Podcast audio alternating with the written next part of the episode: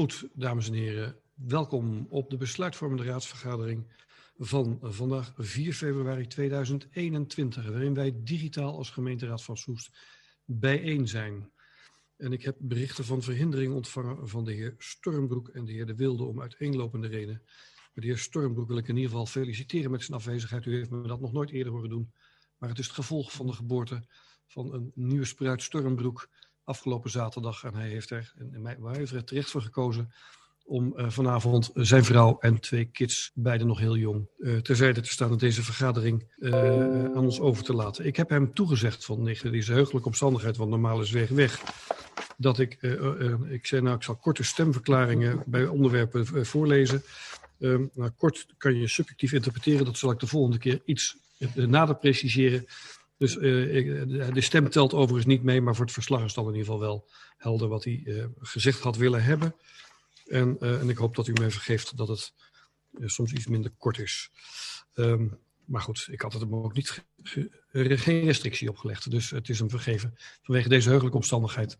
In plaats van de beschuit met muisjes die we anders graag natuurlijk hadden willen delen met hem. Maar wellicht gaat de vaccinatie ons helpen om dat toch nog want we zullen eraan houden aan die beschuiten met muizen. Ik ga met deze berichten van afwezigheid uh, verder de vergadering openen. Uh, met dien verstande dat ik uh, direct na de opening en geen andere mededelingen hebbende. anders dan dat ik weet dat er een. nee, dat kan straks wel. er komt straks een ordevoorstel naar aanleiding van de hamerstukken. Uh, ga ik eerst voorlezen wie er aanwezig zijn en of u dan met de microfoon open wilt zeggen dat dat zo is, want dan kunnen we dat met elkaar vastleggen. En ik ga het in volgorde van de fractie ga ik, het, uh, ga ik uw naam afroepen. De heer Pauw. Present. Mevrouw Bonnevier. Aanwezig. Meneer Diemers. Aanwezig. Meneer Paul. Ik hoor meneer Paul niet, dan is hij kennelijk nog niet aanwezig. Hij is er wel, maar ik hoor hem niet. Nou, gaat u iets aan het geluid doen? Ik probeer het straks nog een keer, meneer Paul, want ik zie u wel zitten, maar ik wil het toch ook horen. Mevrouw Wijd. Aanwezig. Meneer De Wolf. Aanwezig. Meneer Corbij. Present. Meneer Heidinga. Aanwezig. Meneer Van der Torre. Aanwezig. Meneer Van Zutphen. Aanwezig. Mevrouw Scholten. Aanwezig. Meneer Groothuis. Aanwezig. Mevrouw Treffers. Aanwezig. Meneer Sielke. Aanwezig. Meneer Adriani. Aanwezig. Mevrouw Flinterman. Aanwezig. Meneer De Ruiter. Aanwezig. Mevrouw Terbeek Suikerbuik. Aanwezig. Meneer Lucas. Aanwezig. Meneer Kramer. Aanwezig. Mevrouw Balraven. Aanwezig. Mevrouw Roze Verdam. Aanwezig. Meneer Witloks. Aanwezig. Meneer Gundus. Aanwezig. Mevrouw Gastelaars. Aanwezig. Meneer Baks. Aanwezig. Meneer Boks. Aanwezig. Dan ga ik nog een keertje meneer Pauw proberen. Ja, hoort u het zo? Ja, ik heb vastgesteld dat u, allen, dat u allen aanwezig bent. En dat ga ik zo de presentielijst tekenen als u aan het delibereren bent. Goed, daarmee is deze vergadering geopend en vastgesteld is dat op twee afgemelde leden al eerder vermeld de raad met 27 leden aanwezig is. Verder heb ik geen mededelingen, anders dan een ordevoorstel naar ik heb begrepen wat de heer Witloks nu gaat inbrengen. Dank u wel, voorzitter. Uh, bij de eerdere hamerstukken had ik een verzoek gedaan om het uh, onderwerp uh, over de schuldhulpverlening als agendapunt te behandelen. Ja, dat zullen we dan direct doen na de, dat er nog twee fracties naar aanleiding van de hamerstukken een stemverklaring hebben gevraagd te willen afleggen. Dus nou, misschien wellicht kan iedereen nu het geluid uitzetten, want dan krijgen we de andere niet bedoelde muziek ook mee. Um, en ik weet dat de stemverklaringen willen afleggen uh, de fractie van DSN en Soest 2002. Ik geef het woord aan mevrouw Gastelaars. Voorzitter, dank u wel. Ja, de fractie van DSN wil laten weten dat wij niet instemmen met de verhoging van de OZB-tarieven. Um, we vinden het uh, overbodig om um, de begroting te laten sluiten vanwege een OZB-verhoging. En daar is dat wat ons betreft niet voor bedoeld. Dank u wel. Dank u wel, mevrouw Gastelaars. Mevrouw Scholten. Dank u wel, voorzitter. Ook Soes 2002 kan niet instemmen met deze OZB-verhoging. Um, woonlasten verhogen terwijl er andere keuzes mogelijk zijn in de begroting is niet wat wij onze kiezers beloofd hebben. Dank um, ik heb kennis genomen van uw stemverklaringen. Zullen we erbij vermelden. Uh, en ik wil na de hand nog met u beiden uh, van gedachten wisselen over de stemverklaringen. Um, dan ga ik over naar het uh, agendapunt 8, die van de hamerstukken afgevallen is en naar de overige agendapunten is gegaan. Dat is de verordening besliste bij een schuldhulpverlening Soest. Ik geef het woord de heer Witloks. Dank u wel, voorzitter. We hebben na aanleiding van uh, de verordening over de schuldhulpverlening willen we een, een, motie indienen. Vandaar het verzoek om het toch te agenderen. Het is een kleine motie. Wilt u dat ik hem helemaal voorlees of alleen het dictum? Doet u alleen maar het dictum. Ja, dat is heel kort. het gaat om aanvragen in het kader van het gaat om de verordening beslist bij een schuldhulpverlening. En wij verzoeken het college om aanvragen altijd zo snel mogelijk af te handelen. Zoveel mogelijk binnen vier weken na het eerste gesprek dat plaatsvindt. En over een jaar de beslistermijn te evalueren en de raad hierover te informeren.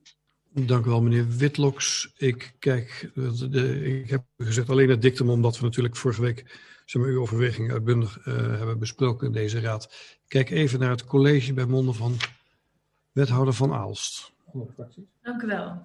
Oh, neemt u me niet kwalijk. Zijn er nog andere fracties die er iets over willen zeggen? Of wilt u eerst het advies van het college weten? Niemand meldt zich. Wethouder van Aalst, u heeft het woord. Uh, dank u wel. Um, nou, ook bedankt voor de motie. Daar kunnen we positief over adviseren. Ik zal even ingaan op de twee elementen waar de motie uit bestaat. Het eerste element gaat over het zo snel mogelijk afhandelen. Eh, nou, we hebben daar ook vorige week in de openierende raad met elkaar over gesproken. En nou, dat is ook het streven van het college. Het is eigenlijk ook de huidige praktijk. Uh, wij willen nu ook zo snel mogelijk aanvragen afhandelen. Um, nou, we hebben aan de hand, omdat die wetswijziging is, hebben we ook ons proces onder de loep genomen. Zijn we ook voornemens om het, om het besluit nog verder naar voren te halen. Dus wij verwachten ook in de toekomst uh, nou, die aanvragen zo snel mogelijk af te kunnen handelen en daarmee aan uw uh, verzoek tegemoet te kunnen komen. Uh, wij zien ook in de motie dat u zich beseft dat dat niet voor alle, alle gevallen kan gelden dat er zo snel gehandeld wordt. Uh, dat is ook niet wenselijk in alle gevallen. Uh, soms is er best complexe problematiek en dan moet er toch zorgvuldig onderzoek plaatsvinden. Moet er een plan gemaakt worden en willen we ook geen onnodige druk op inwoners leggen. Maar dat zien we ook dat u zich dat beseft. Dus nou, gaan we doen. Wat betreft het tweede element gaat het over de evaluatie. Uh, dat wij over een jaar de beslistermijn evalueren en de raad hierover te informeren. Nou, dat zijn wij bereid om te doen. Dus dat komt dan over een jaar uw kant op. Uh, dus wij zijn bereid de motie over te nemen. Dank u wel, wethouder van Aalst. Ik, ik kijk eventjes naar de raad. Mag ik, mag uh, ik nog even, sorry voorzitter. Met dank voor het overnemen van de motie. Ik ben nog vergeten te zeggen dat die mede ingediend is. Dat is wel belangrijk natuurlijk door SOES 2002 POS, GGS, Burgerbelangen, uh, Soest, Soesterberg en het CDA. Ja, dat is een missie die inderdaad rechtgezet moest worden, want een groot ja. deel van de raad die dit... Uh, en dat, dat blijkt dat de wethouder uh, veel gehoor heeft voor uw motie okay. namens het college. Dan is altijd de, de prangende vraag, heeft u behoefte aan om de motie in stemming te brengen? Of bent u tevreden met de toezegging van het college dat u daar over een jaar de rapportage over krijgt met de inzet conform de wens? Ik ben blij dat de uh, wethouder de motie overneemt. Dank u wel. Dus ik constateer dan dat hij niet in stemming gebracht hoeft te worden. En daarmee is dit punt afgewikkeld. Dan ga ik naar het voorstel natuurlijk. Uh, mag ik ervan uitgaan dat zonder stemming de raad instemt met dit voorstel? Ja. Waarvan akte. Goed, dan kom ik bij agenda punt 9. Bestemmingsplan, eerste hezelaantje naast nummer 7. En ik nou, laat ik dan maar. En ik weet dat ik daar in ieder geval een stemverklaring nog heb voor te lezen. Dus dat ga ik zeggen. Ja, zeg maar, dat is een echte stemverklaring met dubbel A. Um, uh, dus ik geef, geef kijken wie van de raad het woord wenst. Meneer Pauw. Meneer Wouterbeek Suikerbuik. Pauw. Wouterbeek Suikerbuik. Nou, meneer Pauw, u heeft het woord. GGS. Voorzitter, dank u wel. Vorige week hebben wij uh, een aantal uh, zeg maar omwonenden is bij de raad langs geweest om in te spreken over dit uh, zeg maar, plan. En uh, wij willen graag toch wel aangeven, ondanks dat wij echt wel vinden dat er zeg maar, op die plekken waar gebouwd kan worden binnen de rode contouren in Soest dat ook kan doen, dat je dan wel rekening moet houden met de omgeving. Alleen je kan niet aan alle wensen uh, zeg maar tegemoetkomen, omdat je ook met uh, regelgeving zit. Met name het bouwbesluit, uh, de regels die daarvoor zijn. Hoe tegenwoordig een, een, een, woning eruit moet staan, want je moet rekening houden met duurzaamheid. En zaken als zeg maar de hoogte van een kamer, die in wezen tegenwoordig veel hoger zijn als de huizen die er nu staan. Dus je ontkomt er niet aan uh, uh, om met die regels in, in achtneming, uh, zeg maar, naar zeg maar, wat grotere huizen te komen in de omgeving van zeg maar, bestaande woningen. Nou geeft ook ons zeg maar, het voorstel aan dat er een zeg maar, afwijkingsbevoegdheid is voor dit, dit projectje. Uh, dat inhoudt dat uh, als er straks echt daadwerkelijk een omgevingsvergunning wordt gevraagd om hier te gaan bouwen, dat daar uh, afwijkingsregels zijn. Die zelfs op een gegeven moment hoger zouden uit kunnen komen en een groter bouwvlak kunnen creëren als dat er zijn.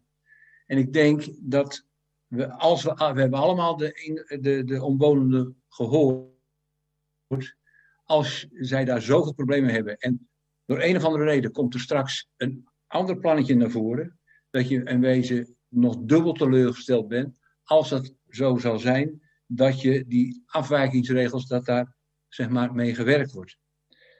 Uh, wij willen er heel specifiek voor dit plan dat uh, dan ook uh, een amendement voor indienen.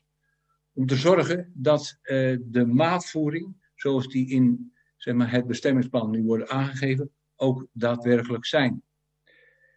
Uh, we houden daarbij rekening met zeg maar, de bezwaren van de, de inwoners. En ik denk als je zeg maar, deze motie zal meenemen, dat je in ieder geval uh, enige uh, zeg maar, beperking op dat plan hebt gegeven als dat het zou moeten zijn. Niet U bedoelt amendement waarschijnlijk, meneer Pauw? U bedoelt amendement waarschijnlijk, want een ja, amendement, motie is een een oproep aan het college en u wil even de bedoeling om de nee, nee, te wijzigen, dacht ik. We hebben uh, even een moment gedacht om een uh, motie in te dienen, maar het is toch beter en een, zeg maar een beter gelaagd en juridisch beter onderbouwd als er een motie voorkomt. Dus uh, ik wil graag het dictum voorlezen.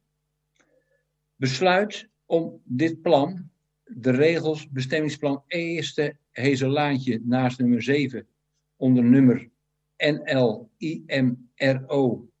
342 BPSOE 56301 aan te passen door de artikelen 10.1 lid A en B en artikel 11.1 te laten vervallen. Uh, ik hoop in ieder geval uh, dat uh, zeg maar, de omwoners zeg maar, hier iets door gerust zijn gesteld. We weten in ieder geval dat er een heel mooi zeg maar, advies is gekomen van de commissie ruimtelijke ordening, tenminste ruimtelijke kwaliteit, die in wezen heel positief over dit plan is. Dus we hebben eigenlijk geen goede reden om dit plan uh, niet goed te keuren. Maar ik wilde toch een extra, zeg maar, uh, regel aan toevoegen door die afwijking in ieder geval te beperken. Tot zover een eerste termijn, voorzitter. Dank u wel, meneer Pauw. U sprak namens de fractie van GGS. Ik geef het woord aan mevrouw Terbeek Suikerbuik. U spreekt namens de fractie van GroenLinks. Ja, uh, dank u wel, meneer de voorzitter. Uh, een aantal punten in dit, uh, in dit plan steken ons. En dan gaat het met name over de omvang van de geplande bebouwing. Uh, juist aan de rafelranden van ons dorp heb je nog het echte dorpse gevoel waarbij langzaam de bebouwing afneemt en de natuur het overneemt. In 2013 was het toenmalige college het dan ook met ons eens. Um, en een toegeplande woning mag een maximale hoogte van 9 meter hebben om in dit straatbeeld te kunnen passen. Nu hebben wij vorige week ook een vraag gesteld aan de wethouder. En hij kwam met het antwoord dat de veranderende bouweisen de reden was dat deze, dit gebouw dan 2 meter hoger is dan 7 jaar geleden. Um, ook antwoorden in Pleio die kant op, maar het blijft bij ons een vrij simpel rekensommetje. Uh, de standaard afmeting van de verdieping is tegenwoordig 3 meter. Nou ja, goed, laat het drie volledige uh, verdiepingen zijn, kom je nog steeds uit op 9 meter. Uh, met wat extra, 25 centimeter extra isolatiemateriaal kom je nog steeds niet in de buurt van die 11 meter. wat ons betreft horen deze woningen, en met, dan met name de vrijstaande woningen zoals die nu verbeeld is, niet thuis in het straatbeeld van deze straat. Uh, daarna sluiten wij ons aan bij de woorden van de Partij van de Arbeid van vorige week. Deze woningen passen wat ons betreft ook niet in het no-regret woonscenario van deze gemeente. Het is jammer dat wij als gemeente weer een kans laten voorbijgaan om te bouwen waar daadwerkelijk behoefte aan is. Of op zijn minst woningen die echt bijdragen aan de doorstroom binnen de gemeente Soest. Met woningen van 8 ton tot een miljoen uh, doe je dit wat ons betreft niet. Uh, zoals aangekondigd vorige week komen wij met een motie over de te realiseren openbare langsparkeerplekken. Uh, even de korte toelichting. Het gaat om vier langsparkeerplekken waarvan twee bedoeld zijn voor bezoek. En twee bedoeld zijn voor de bewoners, omdat volgens de telmethode op dit moment daar niet voldoende ruimte is. In ieder geval de telmethode die in de, nota, in de parkeernota wordt gebruikt.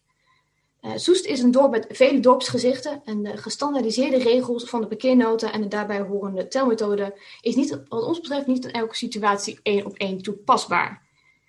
En de situatie op het eerste hele laantje is er volgens mij volgens ons zo één. Een gebied aan de rafelrand van Soest met een landelijke uitstraling. Daar wil je zo min mogelijk openbare parkeerplekken die deze landelijke uitstraling aantasten. En ik geloof niet dat iemand het met ons daarmee oneens kan zijn. Wij begrijpen dat afwijken van de norm gevoelig ligt bij sommige partijen in deze raad. Uh, en aangezien wij als raad al eerder hebben besloten de parkeernorm onder de loep te nemen, komen wij samen met de Partij van de Arbeid met een motie die oproept tot het volgende. De aanleg van de vier langsparkeerplekken uit te stellen tot de raad in de gelegenheid is gesteld om de parkeernorm aan te passen dan wel te bevestigen. En van de partij Ons Soesterberg kregen wij nog de opmerking dat zij, uh, als zij aanwezig hadden kunnen zijn, graag hadden willen instemmen met deze motie. Dank u wel. Dat is correct. Zowel uw motie als het uh, amendement maken nu onderdeel uit van de beraadslagingen. Ik zie in ieder geval de behoefte om te reageren door meneer Pauw. Zijn er nog anderen die het woord wensen? Mevrouw Gastelaars. Mevrouw Scholten. Meneer Baks en meneer Kramer. Mevrouw Walraven. Mevrouw Walraven. Meneer Sielke. Dat is het. Oh, ik zie meneer Witloks nog. En van de toren. En van de toren. En ik zal straks aan het einde van het ritje de verklaring van de POS voorlezen. Ik geef het woord aan de heer Pauw. En hij spreekt namens de fractie van GGS. Ja, voorzitter. Uh, ik gaf eerst, heb ik mijn uh, amendement voorgelezen, maar dat doe ik mede namens burgerbelangen. Dat is een omissie die ik hierin had. Dat is kennelijk mijn, besmettelijk. Mijn, ja, mijn excuses daarvoor. Ehm, ik hoop dat meneer Baks dat mij zal vergeven. Ehm, ik wil even reageren op het amendement van GroenLinks en consorten. ik denk dat, het waarschijnlijk is. De motie bedoelt u waarschijnlijk? De motie, ja. Uh, ik denk dat het verstandig is om, zeg maar, zeker in beleid, uh, nota's waar we in hebben vastgelegd, normen, om daar op een gegeven moment van af te blijven. Want als je dat gaat doen, dan krijg je een stukje willekeur overal.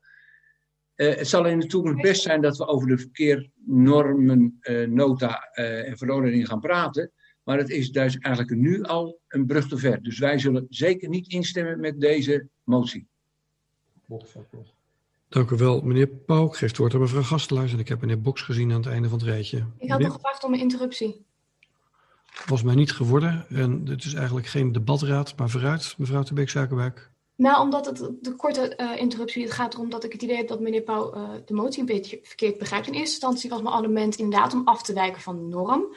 Dat is nu omveranderd in een motie naar aanleiding van inbreng van anderen. Um, we gaan niet de parkeernorm afwijken, wij uh, bevriezen het eigenlijk tijdelijk. En de aanleg van de parkeerplekken die wordt later gedaan nadat wij met als raad breed hebben besloten wat de nieuwe norm wordt. Dus wij vragen niet om afwijken, maar gewoon uitstel van de aan te leggen parkeerplekken. Zie dat meer als een toelichting van uw motie dan dat u iets anders heeft. En we zullen straks ook nog het advies van het college afwachten. Mevrouw Gastelaars, DSM. Ja, voorzitter, dank u wel. Nou, vorige week hebben we al uh, uitgebreid gesproken over dit onderwerp. En uh, eigenlijk in reactie op het amendement van uh, GGS en BBS laten wij weten dat wij daar niet mee in kunnen stemmen, omdat de bezwaren die wij tegen het plan hebben hier niet mee worden opgelost. Wat ons betreft zijn uh, de woningen te hoog en te veel en niet passend uh, op de locatie binnen de omgeving. Hier had gewoon in het voortraject ingegrepen moeten worden. Wij kunnen nu als raad nog, omdat we hier een bestemmingsplan vaststellen, kunnen wij hier ook ingrijpen. En uh, we doen nu alsof we het allemaal maar over ons heen moeten laten komen. Dat is wat ons betreft onjuist. Er is ook geen participatie geweest. En uh, de, de motie van GroenLinks en PvdA uh, steunen wij van harte. En we hopen echt dat, uh, nou ja, dat, dat dit plan het niet haalt vanavond. Dat zal het niet. Het zal te vergeefse hoop zijn. Maar onze steun heeft het in ieder geval niet. Dank u wel. Dank u wel, mevrouw Gastelaars. U sprak namens DSN. Mevrouw Scholte, Soes 2002. Dank u wel, voorzitter. Allereerst um, hoe Soes 2002 uh, de beoordeling van uh, dit dossier heeft gedaan. Wij uh, zien een groot, een propvol plan, een, een volgepropte locatie, maar wel binnen de rode contouren. En dan lijkt het goed, maar is dit nou echt wat we met elkaar willen? Hoe willen we het dorp eruit laten zien? Hebben we daar enig idee van? Is er een visie? Kunnen dit soort plekken constant volgebouwd worden met inderdaad de norm wel of niet parkeren. Maar eigenlijk is het wel of niet zoveel stenen. Wij vragen ons echt af of er niet een visie nodig is om te bedenken of we zo binnen de rode contouren willen bouwen. En we willen het college dan ook meegeven, maak eerst uw huiswerk beter dan wat u bij ons voorlegt. Want we zien dingen die we eigenlijk in de toekomst niet willen zien. Ondanks dat gaat Soes 2002 wel voorstemmen. En dat heeft te maken met het feit dat wij um, in tegenstelling tot andere partijen wel zien dat ook deze woningen kunnen leiden tot doorstroming. Er is minder vraag, ook dat zien we, maar het kan wel bijdragen aan doorstroming. Wat betreft motie en amendementen die ingediend zijn, parkeernormen. Parkeernormen zijn ervoor om te ordenen. En op het moment dat orde niet goed geregeld is, dan krijg je onder andere parkeren in de berm, wat ten nadele is van de verkeersveiligheid. Daarom vinden wij het handhaven en het toepassen van een parkeernorm heel belangrijk. Als we die nu even tijdelijk parkeren, om het dan maar in die termen te houden, dan kun je onwenselijke situaties krijgen. We hebben geen idee wanneer wij in de raad met elkaar besluiten over een parkeernorm en hoe die eruit gaat zien. Dus daarom kan Soes 2002 niet meegaan met dit amendement. Wat betreft het amendement over um, de, de En u bedoelt nu de motie waarschijnlijk, want uh, oh, niet in, ja, de motie ja. van GroenLinks kan u niet meer instemmen. Nee. Nu gaat u spreken over het amendement van GGS. Dank u wel, voorzitter. Um, wij, wij zien een, een GGS die heel gelukkig met het plan is, maar graag de omwonenden nog wat uh, gerust wil stellen door de bevoegdheid van het college te beperken. Ik denk niet dat dat de zorg van de omwonenden was. De zorg van de omwonenden was de totaliteit van het plan. Niet over de toekomst, maar zoals het er nu ligt. Dus hierin kunt u ons ook geen medestander vinden. Dank voorzitter. Dank u wel, mevrouw Scholt. U sprak namens de fractie van Soes 2002. Ik geef het woord aan de heer Baks en hij spreekt namens Burgerbelangen. Dank u wel, voorzitter. Uh, zoals de heer Powell aangaf, zijn wij mede-indiener van het amendement om uh, paal en perk te stellen aan de hoogtes. Meneer Powell heeft dat voldoende toegelicht, dus dat hoef ik niet. Ik spreek me alleen uit nog over de motie van GroenLinks. Uh, voorzitter, uh, een aantal opmerkingen daarbij. Het afwijken op dit moment van de parkeernorm, in, in die zin uh, dat we de parkeernota en dit ding, dit voorstel voor wat betreft het parkeren even uh, op een parkeerplaats zetten, spreekt ons niet aan. Want dat betekent dat het een precedent schept voor alle toekomende maanden. Want ieder voorstel is gebaseerd op een beleidsuitgangspunt. Dus zou je kunnen parkeren, waardoor je dus op de duur niks meer hoeft uit te voeren van wat je met z'n allen hebt afgesproken. Uh, maar ik zal ook tegen de uh, motie van GroenLinks stemmen. Dank u wel. Dank u wel, meneer Baks. U sprak namens de fractie van Burgerbelang. Ik geef het woord aan de heer Kramer en hij spreekt namens het CDA. Uh, voorzitter, dank u wel. Uh, eerst het abonnement van GGS. Ja, als je dergelijke afwijkingsmarges niet eens meer aan het college durft over te laten, dan is wat ons betreft wel een beetje het einde zoek. die afwegingen kunnen prima door BNW worden gemaakt. dus die zullen we niet steunen. Ehm, de motie in zaken de parkeernorm. ja, het zijn onze eigen kaders en zijn er onze eigen normen. Wij delen samen met GroenLinks en de PvdA wel nou ja, de noodzaak om snel die kaders gemeentebreed ter discussie te stellen en dus te bespreken. Maar we zien eigenlijk geen aanleiding om dat nu al bij dit plan uh, dus aan te passen. Zeker ook omdat je volgens mij het risico gaat vergroten dat er nu net gebeurt wat je niet wil, namelijk parkeren in de berm. En straks, als die parkeervakken er niet zijn, dan wordt die berm daadwerkelijk platgereden. Dus die motie zullen wij niet steunen. Dan het plan zelf. ja, wij hadden ook liever betaalbare woningbouw daar gezien. Alhoewel ik eerlijk moet zeggen dat de locatie op zichzelf in de buurt waar het ligt, ja, dan ligt het misschien meer voor de hand om in dit segment um, huizen te realiseren. Alleen we moeten echt gaan uitkijken met elkaar dat dat argument niet iedere keer terug blijft komen. Dus daar houd ik ook mezelf en u allen scherp op. alles afwegende kunnen wij instemmen met het bestemmingsplan. Dank u wel, meneer Kramer. U sprak namens de fractie van het CDA. Mevrouw Walraven van de ChristenUnie SGP. Dank u wel, voorzitter. Uh, dit bestemmingsplan ligt in een gevoelig overgangsgebied en daar hebben we vorige week ruim over gesproken met elkaar. De wethouder heeft toen ook aangegeven dat de CRK in een aantal overleggen het heeft gehad en dat zij dit een goed bestemmingsplan vinden zoals dat nu bij ons ligt. Er is vorige week ook gesproken over de teleurstelling over de participatie en dat er gesproken is over het terugbrengen van zes naar vijf woningen. Dit was al eerder gebeurd dan de participatie en dat heeft de wethouder ook eerlijk aangegeven. Er zijn wel minimale aanpassingen gedaan en uh, ik kan me voorstellen dat de inwoners, de bewoners daarnaast zijn, wel teleurgesteld zijn. Maar goed, als wij kijken naar het advies van de Commissie Ruimtelijke Kwaliteit, die positief adviseert, dan kunnen wij niet anders dan om dit advies te volgen. Dus wij zijn voor het bestemmingsplan. Uh, wat betreft het amendement willen we eerst de reactie afwachten van de wethouder. En de motie die gaan we niet steunen, want nou, het is al een paar keer gezegd, er zijn normen en kaders voor de parkeren en daar willen we nu niet aan tornen. Dank u wel. Dank u wel, mevrouw Walraven. U sprak namens de fractie van de ChristenUnie SGP. Ik geef het woord aan meneer Silken. Hij spreekt namens de fractie van D66. Dank u wel, meneer de voorzitter.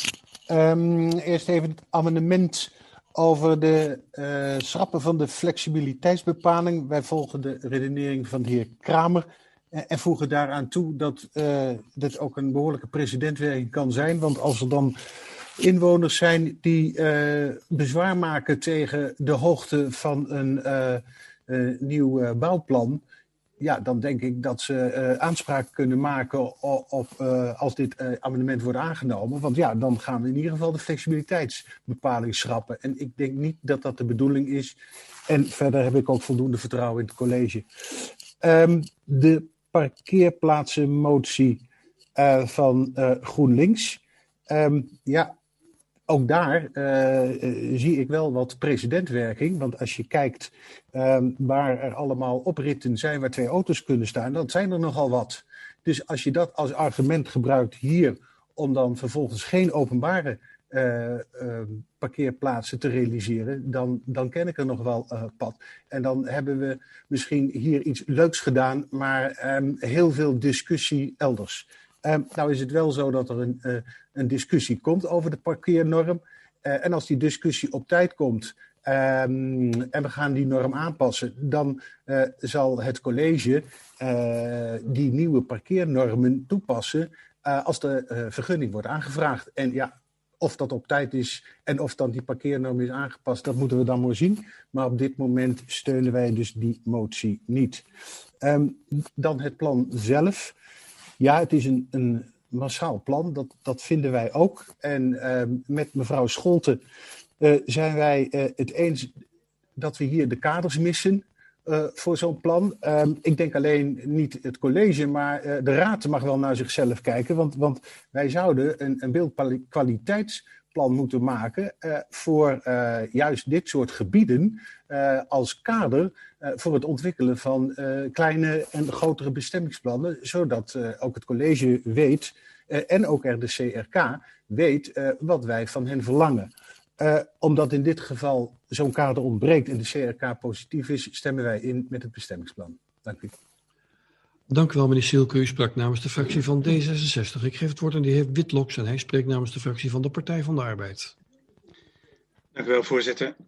De motie van uh, GGS, daar zijn er argumenten voor uh, gegeven door, uh, door onder andere meneer Kramer, die zullen wij niet steunen.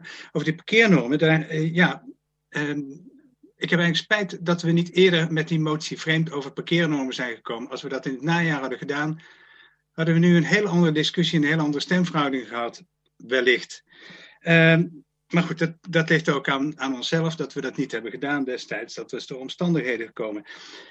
Ik wil nog eventjes benadrukken dat uh, uh, het gaat hier om parkeerplaatsen bij uh, huizen voor drie auto's. Net is even gezegd twee, dacht ik, maar het gaat echt om drie.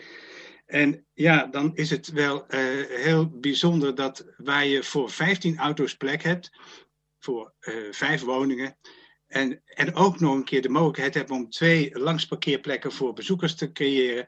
Dat je dan uitkomt op de mogelijkheid voor 17 en dat je dan toch vier langsparkeerplekken moet realiseren. Twee. Dat, dat scheelt gewoon twee bomen of noem het.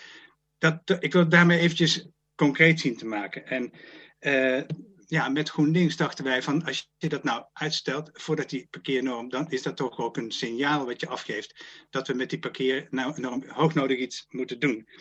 Ik zie, ik zie dat uh, inderdaad uh, dat waarschijnlijk geen meerderheid gaat halen, maar ik denk dat het belangrijk is dat we een signaal hebben afgegeven dat we toch hoognodig snel over die parkeernormen moeten praten. Ja, dan het plan zelf. Ik heb vorige week al gezegd, uh, er is behoefte aan betaalbare koopwoningen maar niet in deze orde grootte van, uh, van, van prijsklasse. Er is behoefte aan rijtjeswoningen, hoekwoningen en appartementen tot 350.000 euro. En deze beginnen vanaf 850.000 als ik het wel heb. Ja, dan vind ik het jammer dat uh, bij, als zo'n plan wordt ingediend, de wethouder niet meteen zegt van komt u maar projecten ontwikkelen met een ander plan. Uh, dat is niet gebeurd. Dat is niet de focus die aangebracht is. Zo stond het ook in de zienswijze, dacht ik vorige week. En dat is jammer. Uh, maar ja, we ontkomen er niet aan om dan toch mee te gaan, omdat uh, het, al het andere, zeg maar, ja, het, het, is als het ware een stemverklaring over het plan. Dus ik vind het heel jammer dat de behoefte niet gevolgd is. En ehm, dan zullen wij wel instemmen met dit plan. Daar ontkomen we niet aan, helaas. Dank u wel. Dank u wel, meneer Witloks. U sprak namens de fractie van de Partij van de Arbeid. Ik geef het woord aan de heer Van der Torren. Hij spreekt namens de VVD. Dank u wel, voorzitter. We vinden het een uh, prima plek om uh, te bouwen. En mooi binnen de rode contouren. En daar zijn we ook heel blij mee dat daar nu iets uh, tot stand gaat komen. Maar het moet wel passen in de omgeving. En terecht heeft meneer Sielke gezegd dat we eigenlijk geen kaders hebben voor die plek. En het gevaar zit hierin dat we, als we dit uh, aannemen, dat we feitelijk hiermee kaders gaan stellen hè, voor de toekomst. Uh, daar hebben we wat moeite mee. En we denken dat op deze plek eigenlijk iets beter passends tot stand zou uh, kunnen komen dan de massaliteit die nu beoogd is, zeker wat betreft de hoogte. Wij gaan dus eigenlijk verder dan GGS en wij willen eigenlijk het voorliggende plan afwijzen. En daarmee zijn zowel uh, amendement als de motie uh, niet nodig. Maar u zult een omgekeerde volgorde moeten stemmen. Uh, is, er, is het gebruik? Want u moet eerst de wijziging voorstellen, dan pas het voorstel zelf stemmen. Staat in het reglement van orde, maar u kunt straks aangeven wat u daarvan vindt. Ik geef het woord aan de heer Boks en hij spreekt namens de fractie van LAS. Ja, voorzitter, dank u wel. Um, ik ben, ik ben nog even uh, flabbergasted uh, vanwege de laatste uh, spreker. Maar ehm, ik heb eerder horen zeggen, wij kunnen nu als raad nog helemaal ingrijpen en we kunnen het plan zelfs afwijzen als, als raad. en meneer Van der Torre heeft daar net een voorzet voor gegeven. Ik heb nou wel grote twijfels of dat in dit stadium zo nog maar kan. Omdat we dan wel de zaak heel goed moeten onderbouwen. Want een besluit van afwijzing wordt elders getoetst. En ik vraag mij af of dat dan door die, uh, die, uh, die toetsing uh, heen komt. dat is een vraag. Ik, ik, begin dus met te zeggen van uiteindelijk, Las, zal dit plan daarmee instemmen. Wij hadden eerder moeten ingrijpen. Uh, dat het niets doet voor het oplossen van de woningnood, ja, dat is, uh, dat is bekend. Maar het is het gevolg van besluiten en keuzes die er gemaakt zijn, ook in het coalitieakkoord. Bouwen binnen de rode contour op dit soort plekken, dan kun je nu eenmaal uh, economisch dit soort woningen niet bouwen. Anders dan dit is, het, is daar niet mogelijk. Helaas.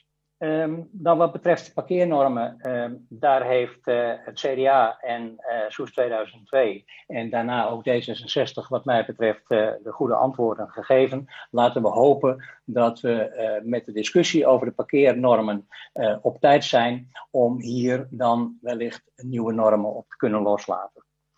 En dan uiteindelijk het amendement wat ingediend is door GGS.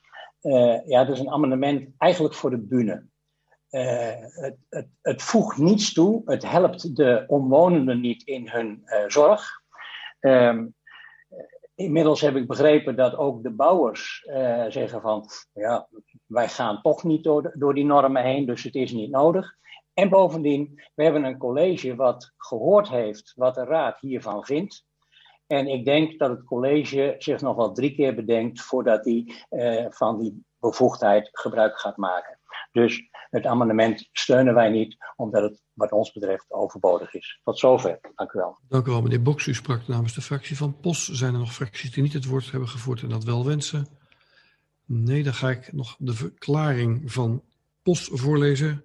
En voor de goede orde, dit is niet mijn verklaring, maar ik lees het voor vanwege de heugelijke gebeurtenis in Huizen Stormbroek van de fractie van POS. En ik begin de tekst. Het bestemmingsplan voor het eerste Hezelaantje betreft een gevoelig gebied groen, open en de overgangszone naar de Wieksloterweg en het bos. Het betreft hier mooi rustig weiland, zoals er meer zijn in Soest.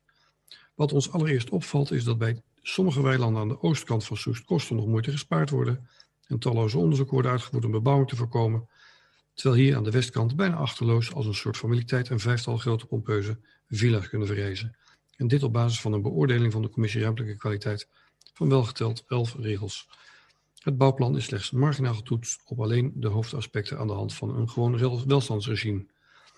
De fractie van POS is het eigenlijk wel met de omwonenden eens dat dit plan niet in het straatbeeld en bij het mooie groene dorpskarakter past, zeker niet in de overgangszone naar de Wieksloterweg, en dat het ontwerp van de woningen in alles botst met de omgeving. Ook snappen we dat de omwonenden iets anders hadden verwacht van de uitnodiging tot co-creatie en dat ze zeer teleurgesteld zijn in het participatietraject. Het zal allemaal best wel volgens de regeltjes kloppen, zoals de wethouder zich vorige week heeft verdedigd. Maar het plan voldoet ons inziens ook totaal niet aan de behoeften van Soest aan betaalbare woningen. Wat post betreft zijn de verschillende belangen in dit hele proces niet goed afgewogen. Het belang van de ontwikkelaar, het ondernemersbelang en winstbejag hebben hier voor opgestaan ten koste van, ten opzichte van het maatschappelijk belang van het groene dorpskarakter en op het belang voor een goede leefomgeving voor de omwonenden. De verschillende belangen zijn, wat SOS betreft, totaal uit balans. De ontstaande situatie vinden wij ongewenst, niet uit te leggen en eigenlijk moreel verwerpelijk. Al dus POS. Er is nog geen bestemmingsplan vastgesteld, maar de woningen worden al door de ontwikkelaars verkocht, behalve de ontwikkelaars en hier alleen maar verliezers. Het grote geld heeft gewonnen. Begrijp ons goed, POS is niet tegen woningbouw op deze plek, maar wel tegen de bouw van deze pompeuze woningen op deze plek. Het maatschappelijk belang en het belang van de omwonenden zijn onvoldoende meegewogen. Het amendement van de GGS zouden we niet hebben gesteund, omdat het weinig verandert aan, de feitelijke situatie. POS zou daarom niet hebben kunnen instemmen met dit bestemmingsplan. Wat ons betreft gaat het terug naar de tekentafels. Ze zouden wel de motie van GroenLinks hebben gesteund. Laten we de aanleg van de langsparkeerplek in ieder geval uitstellen tot na de behandeling van de parkeernorm. Wat de fractie van POS betreft neemt de gemeenteraad op korte termijn de participatietrajecten in de gemeente zorgvuldig onder de loep, evenals de kaders waarbinnen de commissie ruimtelijke kwaliteit moet opereren dit om herhaling van deze situatie in het vervolg te voorkomen. En daarmee geven ze aan dat ze tegen het raadsvoorstel zouden stemmen. Het is goed, ik zeg het nogmaals, het is niet mijn verklaring, maar van POS. En bij uitzondering vanwege de heugelijke omstandigheden van pas vanmiddag heeft de heer Stormbroek moeten besluiten het thuisfront niet te kunnen verlaten. heb ik er toch ter dienst willen zijn en dit willen voor het verslaglegging in ieder geval aan het verslag uh, over te geven. Dan ga ik nu, als alle fracties hebben gesproken, over naar uh, het college van BMW.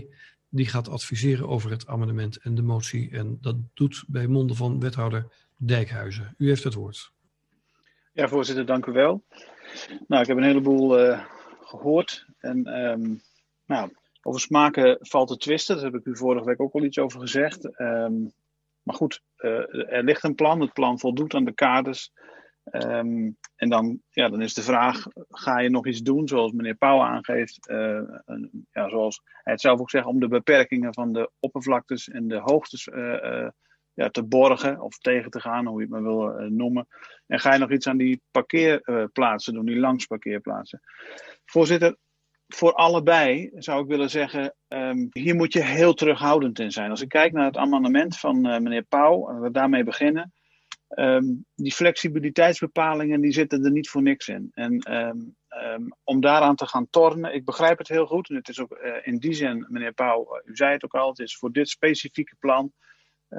ja, u zou het kunnen gebruiken om daarmee veilig te stellen dat de hoogtes en de breedtes niet, niet meer worden dan dat er nu uh, geprojecteerd is. Maar eigenlijk vraag ik mij af of u zich ja, op dit niveau uh, zou moeten willen bewegen. Uh, dat is ook al door andere uh, raadsleden genoemd. ik zou daar zeer terughoudend in zijn. En ik wil, um, ja, ik wil het oordeel ook maar gewoon aan u laten. Um, als ik naar mevrouw Ter Beek Suikerbuik haar motie kijk, dan, um, ja, dan is eigenlijk. We houden ons aan de afspraken zoals u die heeft vastgesteld, mevrouw Ter Beek Suikerbuik, in de parkeernota. Eh, het is ook al gezegd, daar nu van afwijken, dat leidt tot willekeur. Dat leidt ook tot precedentwerking, althans dat kan het werken. En het kan ook nog, in een later stadium zelfs, uh, ertoe leiden dat die parkeerplaatsen toch aangelegd zouden moeten worden. Alleen dan is de ontwikkelaar daarvan uh, ja, onthouden, zeg maar. Want u heeft gezegd dat het niet hoeft. En dan zou die nog een keer op kosten van de gemeente aangelegd moeten worden. Um, dus ik, ik zou, en ik snap uw wrevel hierover. Uh, maar daarover gaat u ook uh, het gesprek aan om te kijken wat moeten we met die parkeernota. Maar ik zou in dit geval echt ontraden om het, om het uit te stellen of om, om het aan te passen. Zou ik niet doen in dit geval. Voorzitter, daar wou ik het bij laten. Dank u wel, wethouder Dijkhuizen. Ik ga proberen kort samen te vatten en dan ga ik naar de twee indieners kijken om te reageren. Omdat als ik goed geluisterd heb, voor beide geen raadsmeerderheden te vinden zijn. Maar ik ga als eerste het woord geven aan meneer Pauw. Nou, voorzitter, ik wou even een schorsing. Dat snap ik. Uh, zes minuten? Nou, maak er tien van. Voorzitter. Tien van. Ja, Voorzitter, punt van orde. Is het mogelijk om een breakout room voor de niet-coalitiefracties uh, te maken? Ik ga even kijken naar de assistent. Uh, uh, met, met, de fractievoorzitters, meneer De Ruiter, want het gaat om de techniek. Dan vertaal ik het stukje, want het fractievoorzitters van de niet-coalitiepartijen, dat gaat daar mevrouw uh, Kuijer aan werken. Maar dan hebben we ook een langere schorsing nodig, want het kost een paar minuten om dat te regelen. Dan schors ik deze bijeenkomst tot half negen. Uh, goed, dames en heren, um, u denkt het is uh, half negen. Ik had tot half negen geschorst, maar ik heb telefoon gekregen dat een van de fracties nog behoefte heeft aan, aan nader intern overleg. Dus ik, ik schors tot 20 uur 40. Goed, dames en heren, wij hebben een terug, uh, bijna een half uur schorsing gehad. Ga ik eens even kijken of dat iedereen weer in wil schakelen. Iedereen zit nu voor mij weer op een ander plekje in mijn schermpje. Ik weet niet of u datzelfde euvel heeft. Want ik mis er een paar. Er zijn mensen aan het inloggen, zie ik. Ja, ik denk dat we nou weer een soort van compleet geraken. Ik heropen de raadsvergadering naar de schorsing. De schorsing is aangevraagd nou, door twee heren tegelijk. Nee, eigenlijk door één heer maar. De andere die vroeg alleen maar of hij mocht praten met zijn collega's. En Meneer Pauw, GGS, u heeft de schorsing aangevraagd. U heeft krijgt als eerste het woord. Ja, voorzitter, dank u wel. Uh, we hebben even wat overleg gepleegd en wij zijn tot de conclusie gekomen dat het amendement wel in stemming wordt gebracht. En ik wil graag uiteindelijk hoofdelijke stemming bij het totale uh, zeg maar plan. Dank u wel. Uh, ja, ik dank u wel. Ik ga eventjes schrijven. En, um, dat is goed. Ik ga even kijken wie er allemaal het woord wensen. Ik zie in ieder geval meneer De Ruiter, dat ben ik niet. Met een punt van orde, voorzitter. Oh, alweer. Ja, gaat u verder, meneer De Ruiter. Excuus, excuus. ja, voor de tweede keer vanavond. Uh, ik zou graag als ordepunt uh, aan de Raad willen voorleggen om het hele agendapunt um, te verdagen naar een volgende cyclus. Ik wil het ook wel even uh, toelichten. het lijkt erop alsof wij ons toch onvoldoende met z'n allen hebben kunnen voorbereiden en in de openierende vergadering met elkaar van gedachten hebben kunnen wisselen over dit agendapunt. Uh, ik heb trouwens gehoord over de gevolgde participatie, over de aansluiting van dit plan bij wat er al staat en bij het uh, nu nog geldende uh, bestemmingsplan dat we nu willen wijzigen. een aantal normen zoals parkeren, maar ook wonen achter wonen lijken te knellen. En in deze vergadering blijkt toch ook bij de coalitiepartners twijfels te zijn, gezien het amendement van GGS en de stemverklaring van VVD. dit alles komt op ons wat chaotisch en vooral verrassend over. Dus wij zouden het waarderen als we in een volgende openheringvergadering daar eens goed over gedachten van kunnen wisselen. In plaats van nu uh, heel hard uh, de besluitvorming door te drukken. Dus graag het verzoek aan de vergadering om dit agendapunt naar een volgende cyclus te verdagen. Voorzitter, dank. Dank u wel, meneer De Ruiter. Ik heb even kort overleg met de griffier over de procedure. Ik schors even voor enig ogenblik. Ik kijk even naar het... Er is niets in het reglement van orde wat verzet tegen het verdagen van het agendapunt. Daar gaat de vergadering uiteindelijk zelf over. Dus de raadsvergadering, ik kijk wel naar het college of dit consequenties heeft voor, uh, voor de behandeling van dit plan. Even kijken waar wethouder Dijkhuizen in mijn plaatje zit, of dat hij even is afgehaakt. Nee, ik ben nog in uw plaatje, voorzitter. Oh ja. Ja, ja ik, kan, ik, kan, uh, ik kan niet uh, inschatten, voorzitter, wat dit, uh, wat dit zou betekenen, maar. Um, okay. Nee, dat, dat kan ik niet inschatten, laat ik het maar zo zeggen. Ja. U heeft er met, uitvoerig met elkaar over gediscussieerd. We zitten ter besluitvorming, maar het reglement van orde geeft aan dat ieder ordevoorstel als eerste behandeld wordt voor degene die kijken. Denkt, wat voor hebben ze nou weer voor dingen? Punten van orde. Punt van orde betekent dat altijd dat als eerste en met prioriteit behandeld wordt. Dus ik ga gewoon de fracties langs met de vraag of ze kunnen instemmen met het ordevoorstel ingebracht door GroenLinks om het agendapunt te verdagen naar de volgende cyclus. En dan opnieuw te doen in de openierende raad en in de besluitvormende raad. Dat is zoals ik het voorstel maar kort samenvat. Um, ik kijk even naar de fractie van GGS. Meneer Pauw. Ja, voorzitter, ik zit er een beetje mee. Omdat ik vorige keer heb gevraagd van we moeten wat meer plannen naar voren halen. Uh, maar ja, ik, begrijp de, ik begrijp de uh, zeg maar, uh, discussies. Dus ik kan wel instemmen met dit verzoek. Meneer Van der Torre. Uh, ik stem in met dat voorstel. Meneer Sielke. Ja, ik had graag bij de gedachtenwisseling uh, kunnen zijn, maar ja, dat kon dus niet blijkbaar, maar we gaan wel in mee. Neem me niet kwalijk, ik was even op zoek, uh, mevrouw, sorry, mevrouw Walraven. Ja, wat ons betreft is het ook goed om het te verdagen. Ehm, dan kijk ik verder, meneer De Ruiter, daar heb ik het standpunt al van, zal ik maar zeggen. Meneer Lucas, CDA. Wij zijn erop tegen. Ehm, dan kijk ik naar uh, meneer Witloks. Wij zijn voor uitstel. Mevrouw Gastelaars. Wij kunnen instemmen met uitstel. Meneer Boks. Voor verdagen. Meneer Baks. Ik ben eigenlijk tegen, maar gezien de verdeling uh, ga ik maar mee. Noodgedwongen. Dan stel ik vast dat deze het punt van orde. De, oh, ben ik een soester? Sorry, ik, ik was zoek naar het lijstje. Neem me niet kwalijk, mevrouw Scholten. Ja, u neemt me wel kwalijk en heeft hij nog gelijk ook. Nee hoor, helemaal goed. Soes 2002 kan ook instemmen met vandaag. Dan stel ik vast dat uh, in de ruime meerderheid de Raad uh, besluit om dit voorstel op dit moment niet verder af te handelen, maar uh, op de volgende agenda op te voeren.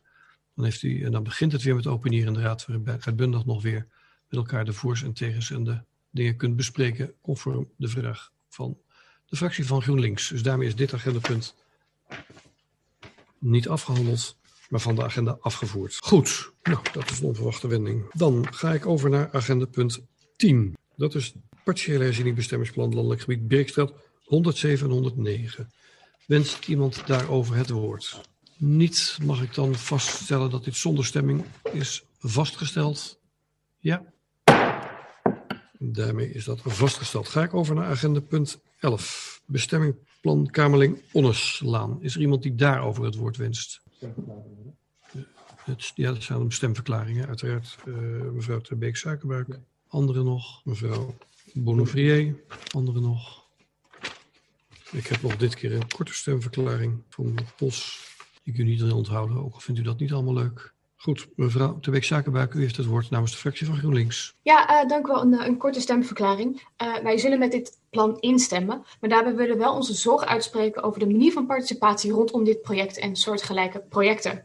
Zoals een omwoner zelf uh, aangaf, het is een omgevingsdialoog, geen dialoog, maar een monoloog. En daarbij kunnen wij ons aansluiten. Wanneer omwonenden slechts over twee kleine onderwerpen mogen meepraten, in dit geval kapvorm en kleur van de gevelsteen, kan je dan daadwerkelijk spreken over participatie. En helemaal met het oog op de komende, aankomende omgevingswet baart dit wel ons zorgen. En ook voor, voor aankomende projecten. Dank u wel. Dank u wel, mevrouw de Beek Suikerbuik. En ik kan kortheidshalve vermelden dat uh, de, de samenvatting van uw betoog, het betoog van de fractie van POS zou zijn geweest.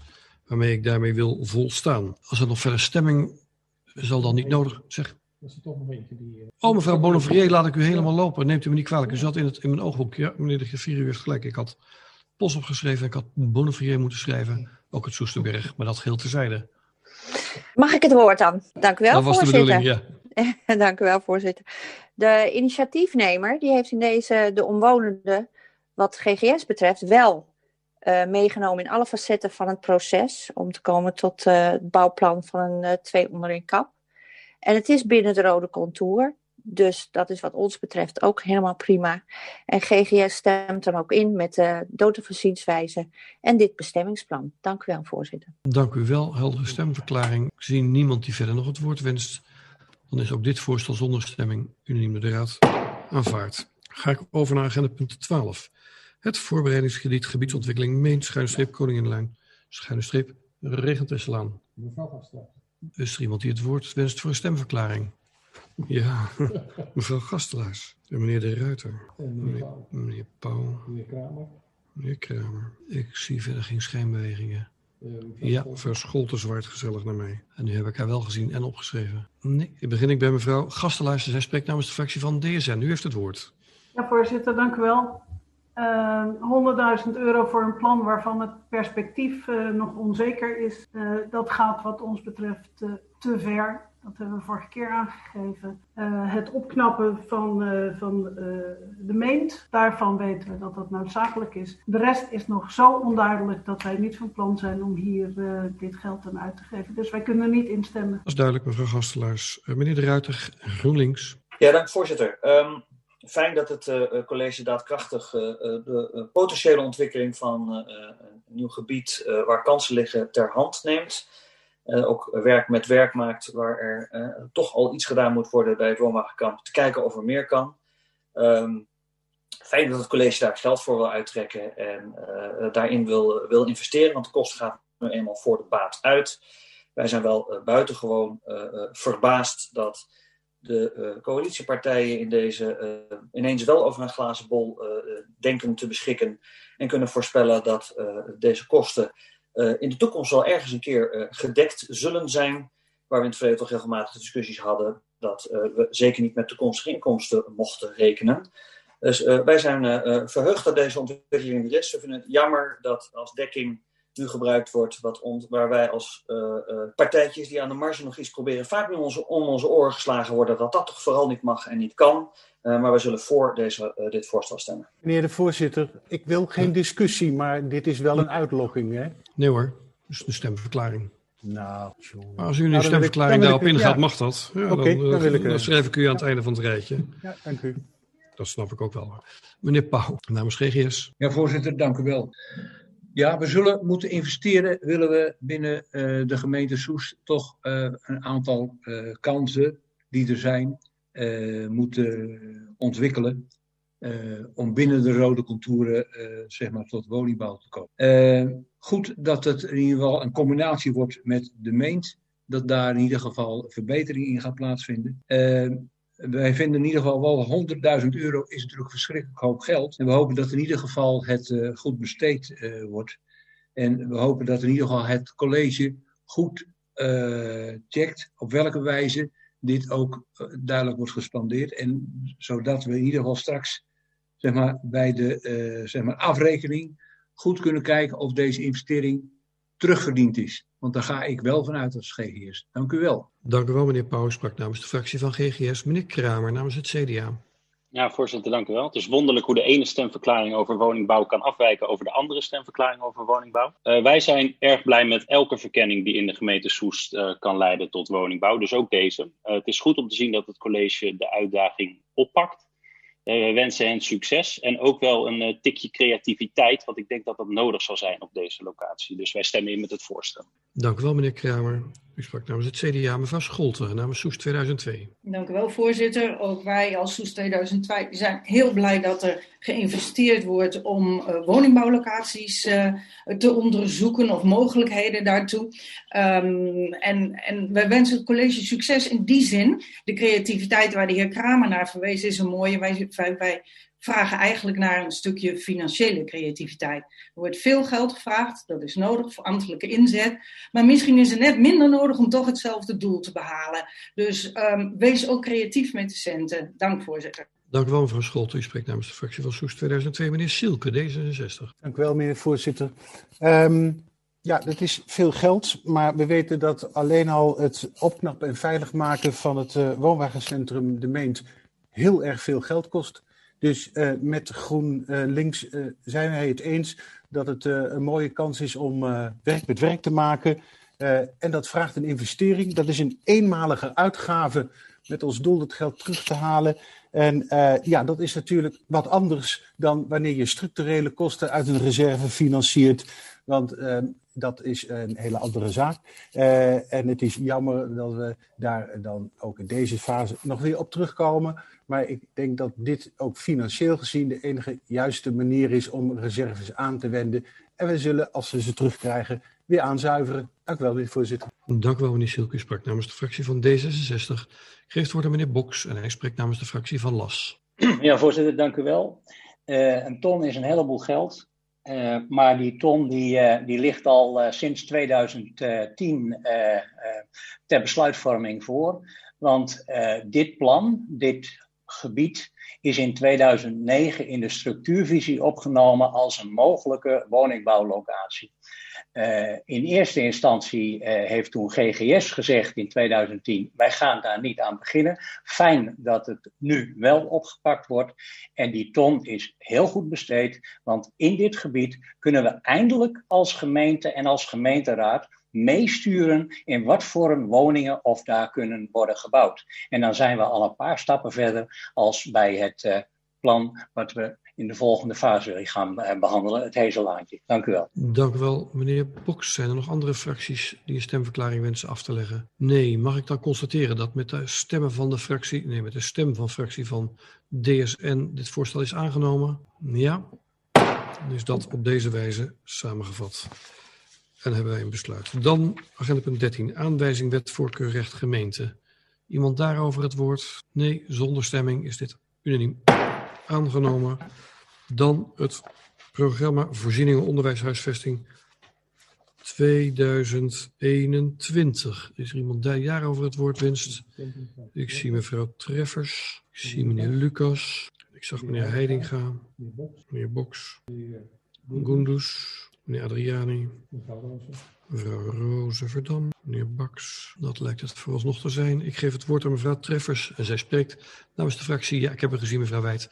En zij spreekt namens de, mevrouw Treffers spreekt namens de fractie van Soest 2002. Dank u wel, voorzitter. Vanavond nemen wij het besluit over de permanente uitbreiding van de werveling. En um, zoals wij vorige week al aangaven, doen wij dit met een dubbel gevoel. Want enerzijds erkennen we de noodzaak die er, die er al jaren speelt. En aan de andere kant uh, missen wij de integraal afgewogen visie in dit, in dit, en het toekomstplan in dit geheel. En je kunt geld maar één keer uitgeven en liever geven we geld goed uit. En voor de langere termijn voorzien wij een aantal risico's. Um, en dan denk ik aan de volgende zaken. Er zal straks geen sprake zijn van normale vervangende nieuwbouw. Er zal om gebouwen heen gebouwd gaan moeten worden. Er ontstaat een risico van verrommeling op het terrein. En hoe voorkomen we in het scenario dat er ooit uh, gerenoveerd moet worden, omdat er misschien financieel slechtere tijden aankomen? En het belangrijkste wat wij vinden is hoe ontstaat er straks een visueel aantrekkelijk totaalbeeld als je nieuw en oudbouw moet gaan combineren. Daarnaast, als we naar de visie kijken, dan vragen we ons af: kunnen we daar straks nog een mooi integraal kindcentrum realiseren? Kunnen we de dingen combineren waar we aan denken als, als kinderopvang en misschien wel een koppeling met Gymzaal de Bunt? Um, ga zo maar door. Het zijn allemaal vragen waar nog geen antwoord op is. En wij hopen dan ook in het IAP dat dat antwoord er komt.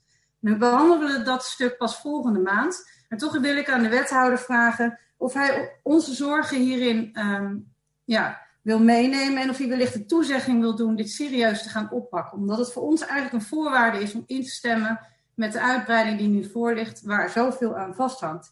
Want wij hopen dat de werveling in de toekomst op de juiste wijze gehuisvest gaat worden, ook op de lange termijn. En dat deze uitbreiding letterlijk hen niet in de weg zal gaan staan. Dank u wel.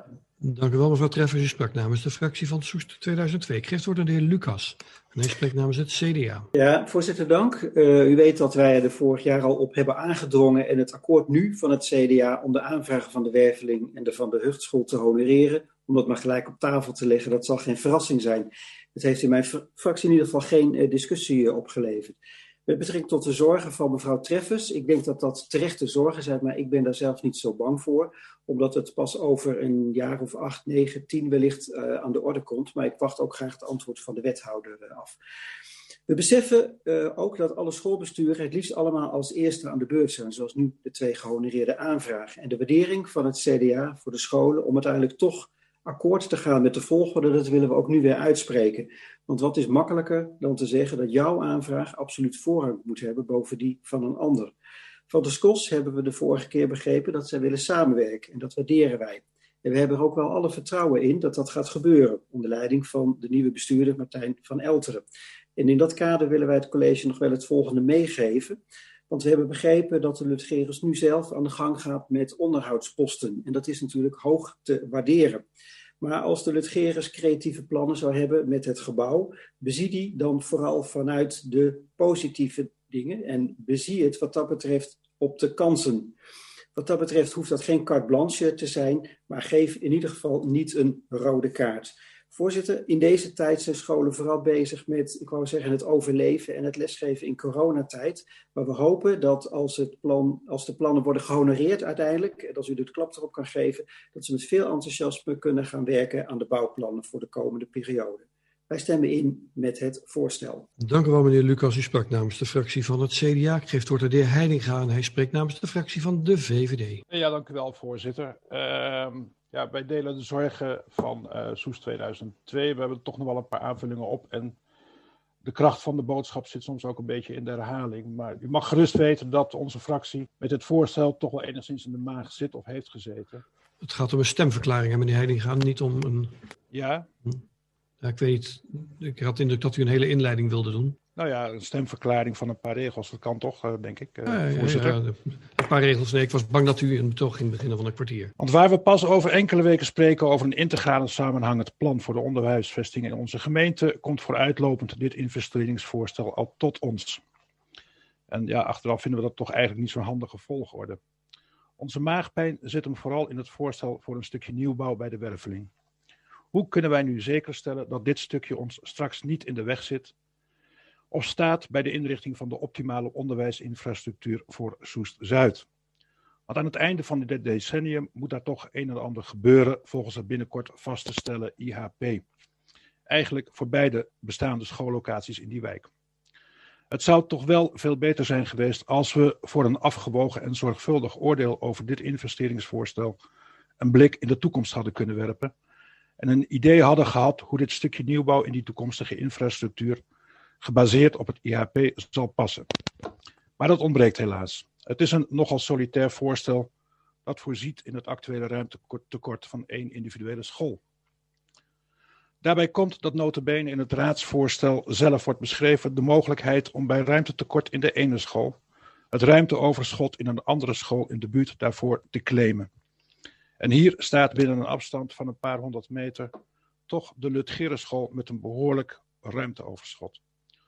Op de vraag hoe wij dit moeten zien en kunnen uitleggen, hebben wij eigenlijk nog geen echt bevredigend antwoord gekregen. Niettemin, we begrijpen dat er sprake is van urgentie en van een soort opgebouwd recht. En we willen de schoolbesturen ook niet frustreren en zullen onze instemming niet aan dit voorstel onthouden. Maar wij willen de voorgaande kritische kanttekeningen wel meenemen als wij in de volgende cyclus over het IHP met elkaar in gesprek gaan. Want het kan toch niet zo zijn dat dat IHP uiteindelijk een papieren tijger blijkt met mooie ambities, maar met uiteindelijk weinig praktische betekenis. Dank u wel. Dank u wel, meneer Heiding sprak namens de VVD. Een hele uitgebreide stemverklaring. Meneer Boks, las. Ja, voorzitter, dank u wel. Uh, Las uh, uh, steunt, stemt in met dit voorstel, vooral wat betreft de de uitbreiding van de werveling. En dat komt met name omdat de wethouder in vorige week ons heeft beloofd dat hij de nu voorliggende uitbreiding zo zal laten ontwerpen dat het straks zijn nut kan houden in een eventuele nieuwbouw. En de rest van de argumentatie over uh, dat hele uh, plan, daar komen we later over te spreken. En dan zullen we kijken in hoeverre de wethouder zich aan die woorden heeft kunnen houden. Dank u wel. Dank u wel, meneer Boks. U sprak namens de fractie van LAS. Meneer Gundus, u spreekt namens de fractie van de Partij van de Arbeid. Ja, dank u, voorzitter. Uh, een vereiste voor een goed onderwijs is een goede huisvesting. Voor ons ligt nu de kant de werveling de eerste van de Hugschool de mogelijkheid te bieden voor een goede huisvesting. Deze scholen kampen al jarenlang met een uh, tekort aan ruimte. Er moet nu snel iets gebeuren. Zij kunnen niet langer wachten. Vorige week heeft de wethouder toelichting gegeven op de voor vraag. Hij gaf aan dat er samen met de leiding van de scholen goed naar de noodzaak is gekeken. Dit heeft er dan ook toegeleid om de leefklimaat van deze scholen als eerste te vergroten. Ik moet er wel bij zeggen dat we betreuren dat de noodzaak en de plannen voor de Lutgeriuschool niet heeft geleid tot renovatie of nieuwbouw. Maar goed, als het goed is, kunnen we dit straks bij het vaststellen van het nieuwe IHP bespreken. Dit tezijde gaf de wethouder aan dat de uitbreidingen van de werveling toekomstproef is. Want volgens het IHP dat wij binnenkort gaan bespreken, staat de werveling op de nominatielijst voor nieuwbouw in 2029. En dat de uitbreidingen straks goed zal aansluiten bij de nieuwbouwplannen. Door deze toezeggingen van de wethouder hebben we wel overwogen keus kunnen maken om in te stemmen met dit voorstel. Dank u wel, voorzitter. Tot zover. Dank u wel, meneer Gundus. Met een even lange bijdrage als meneer Heidinga in de stemverklaring. Die sprak namens de fractie van de Partij van de Arbeid. Meneer Adriani, namens D66. Dank u wel, voorzitter. Ga ik proberen om het nog langer te maken. Uh, wij, wij, feliciteren de heer Stormbroek met zijn gezinsuitbreiding. En dat zeg ik niet uh, zomaar, dat zeg ik natuurlijk omdat ik dat meen vanuit de grond van mijn hart. Maar ook omdat ons dat weer eens op uh, doet beseffen hoe belangrijk onderwijs uh, is. Het is voor onze kinderen, daar doen wij toch veel voor. en voorzitter, het is altijd mooi wanneer belanghebbende partijen samenwerken om tot iets moois te komen. Over een paar weken gaan we het nog hebben over het uh, integraal huisvestingsplan. Maar nu wordt ons al gevraagd om een krediet beschikbaar te stellen voor de eerste van de hogeschool en de werveling. Natuurlijk moet dat beschikbaar komen en D66 zal dan ook van harte voorstemmen. En hopelijk kunnen we dan bij het integraal huisvestingsplan, als dat besproken wordt, het ook gaan hebben over de scholen die nu zijn afgewezen. Onderwijs verdient onze aandacht en fijn dat we dat nu kunnen gaan geven. Dank u wel.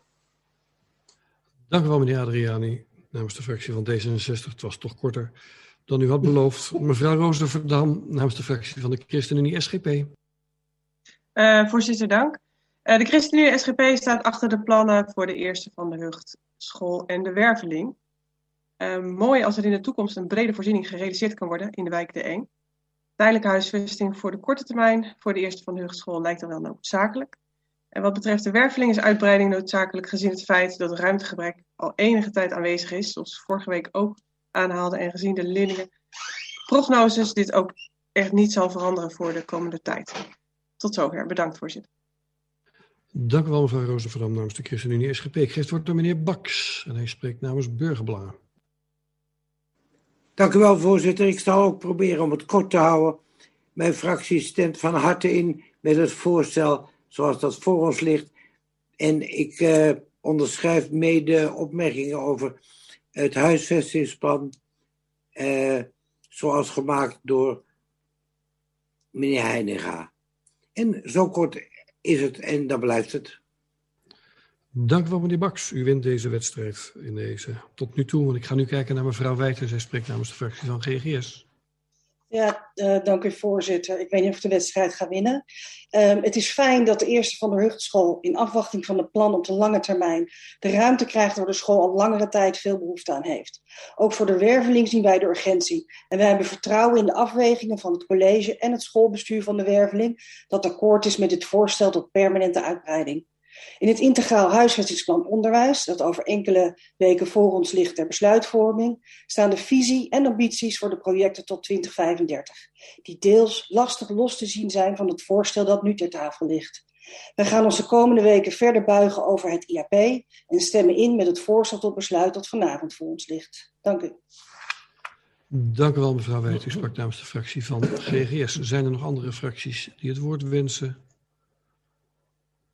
Dan kijk ik even naar wethouder Dijkhuizen, waar een uitdaging aan gepresenteerd werd. En dat uitmaakt of het voorstel al dan niet aan, unaniem wordt aangenomen. Wethouder Dijkhuizen, u heeft het woord namens het college. Voorzitter, dank u wel.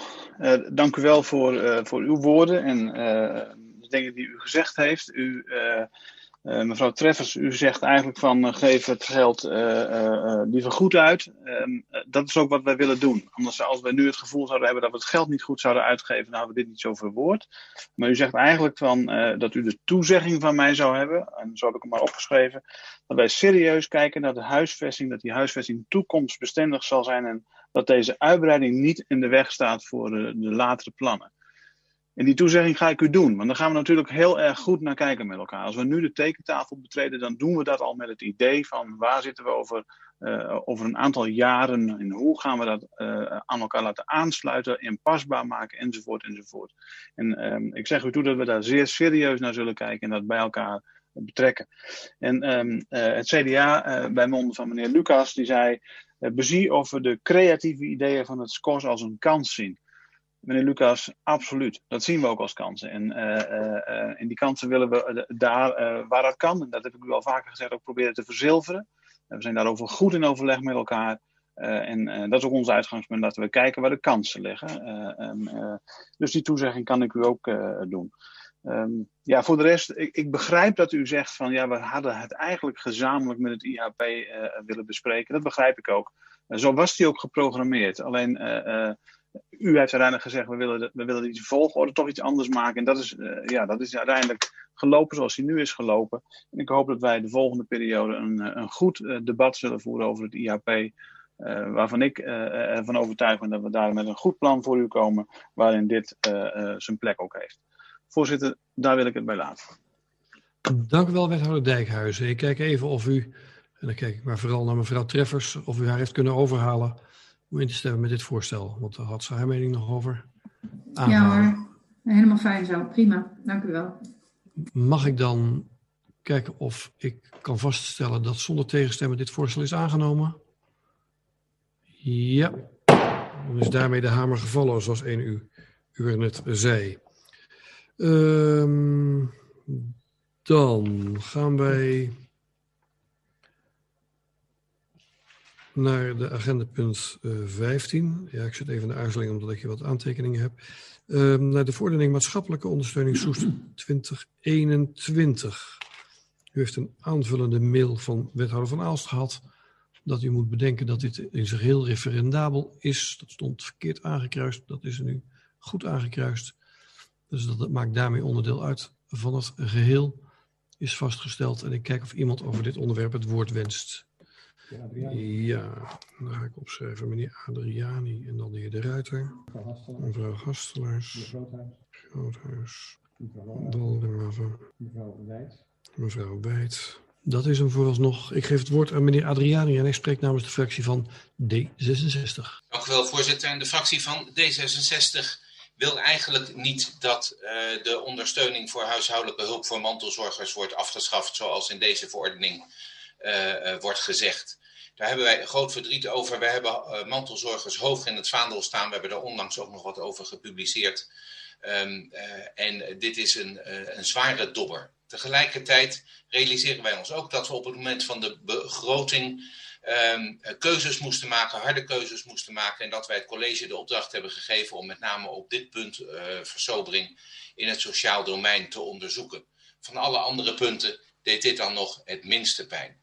Wij zijn er dan ook tevreden mee dat het college dat op deze manier heeft uh, opgepakt. Die uh, keuzes zijn ook, zijn ook aan ons toegelicht. Dus we, we zullen instemmen, maar we gaan niet met vreugde instemmen. We doen dat, voorzitter, met pijn in het hart.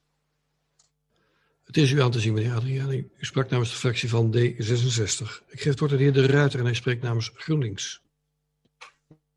Ja, voorzitter, zelfde punt, andere conclusie. Uh, 75% van de zorg die thuis wordt geleverd, wordt door mantelzorgers geleverd. 40% van de mantelzorgers geeft aan in enige mate uh, overbelast te zijn. Uh, het zal je ook maar gebeuren. Je komt thuis van een dag werken of je hebt een hele dag thuis gewerkt. En dan moet je je lijst nog afwerken met opruimen, stofzuigen, je kinderen van school halen, eh, eten koken. Oh ja, en dan staat ook nog de zorg voor je zieke moeder of vader of ander familielid of anderszins op je lijstje. Dan valt er ook al uh, gauw iets af. het lijkt leuk om daar dan nu 120.000 euro, waar praten we over, op te bezuinigen. Maar ik verzeker u, dat is goedkoop nu, duurkoop later. We willen dus als GroenLinks geacht zijn tegen het vervallen van regeling hulp bij het huishouden voor mantelzorgers gestemd te hebben. En voor de overige wijzigingen die nu worden voorgesteld. Dank voor. Dank u wel, meneer de Ruiter. U sprak namens de fractie van GroenLinks. Mevrouw Gastelaar, DSN. Ja, voorzitter, dank u wel. Um, wij zijn de afgelopen week door diverse mensen benaderd met uh, de grote afschuw voor de plannen om uh, uh, de uh, ondersteuning, de afschaffing van de hulp bij het huishouden voor mantelzorgers. En uh, nou ja, uh, de argumenten waren dusdanig dat wij niet anders kunnen zeggen dat wij hier tegen dit deel van het voorstel moeten worden geacht tegen te stemmen. En voor de rest stemmen wij mee. Dank u wel. Dank u wel, mevrouw Gastelaars. U sprak namens de fractie van DSN. Ik geef het woord aan meneer Groothuis en ik heb meneer Boks ook gezien. Ja, dank u voorzitter. Soes 2002 kan instemmen met de voorgestelde wijziging van de verordening WMO. Het is zeer pijnlijk dat de huishoudelijke hulp bij mantelzorgers wordt afgeschaft. Het was een extra, zeer welkom extra voor de mantelzorger. Het blijft echter altijd wel mogelijk, als het nodig is, dat de mantelzorgers beroep kunnen doen op de normale huishoudelijke hulp. Wel zouden wij de wethouder willen aandringen om, als in de toekomst meer bezuinigingen nodig zijn, dat dit zeer tijdig bij de Raad kenbaar worden gemaakt, zodat we daarover met z'n allen uitvoerig over gedachten kunnen wisselen. Dank u. Dank u wel, meneer Groothuis. En u sprak namens de fractie van Soest 2002. Mevrouw Walraven, ChristenUnie SGP. Dank u wel, voorzitter. Wij als ChristenUnie SGP kunnen instemmen met dit voorstel. We zijn uh, erg blij met onze mantelzorgers en dit is vaak ook geen vrijblijvende keuze. Zoals we vorige week ook besproken hebben, is het een versobering in het sociaal domein waar we met de begroting ook over gesproken hebben. Als CU-SGP hebben we bij de begroting al ingestemd met deze keuze. De mantelzorgers kunnen nog steeds terecht bij het steunpunt mantelzorg waar hulp gegeven kan worden op de diverse vlakken die nodig zijn. En wij vertrouwen erop dat er in onze gemeente nog steeds goed kunnen zorgen voor onze mantelzorgers. Dank u wel, voorzitter. Dank wel, mevrouw Walraven. U sprak namens de fractie van de ChristenUnie SGP. Mevrouw Wijd, en u spreekt namens de fractie van GGS. Voorzitter, wij willen ook kort ingaan op het punt over de hulp bij het huishouden voor mantelzorgers. Iedereen die mantelzorg verleent is zeer waardevol in de hele keten van zorg. Boodschappen doen voor iemand helpt met de maaltijden, de was, de financiën, het op tijd toedienen van medicatie lang niet altijd makkelijk voor de mantelzorger. Wij begrijpen ook dat deze last heel zwaar kan zijn. Als de zorg bijvoorbeeld langdurig en intensief is. Als de zorg aan iemand een kind of partner betreft. Wanneer er sprake is van dat de zorg zo zwaar is dat de mantelzorg in de knel komt met het eigen huishouden, is er gelukkig de mogelijkheid dat de mantelzorg in aanmerking komt voor huishoudelijke hulp op indicatie. De inschatting dat 20% van de mantelzorgers hiervoor in aanmerking gaat komen, lijkt ons een reële inschatting. Deze versobering sluit dus aan bij de versoberingen in het sociaal domein, zoals vorig jaar door de Raad besloten is in de meerjarenbegroting 2021. Wij stemmen dus in met het voorstel tot besluit. Dank u. Dank u wel, mevrouw Wijt. U sprak namens de fractie van GGS. Ik geef het woord aan meneer Boks en hij spreekt namens de fractie van LAS. Ja, voorzitter. Uh, uh, mijn stemverklaring uh, lijkt heel sterk op die van D66. Ook wij hebben de moeite met de huishoudelijke hulp op het opheffen daarvan voor de mantelzorgers.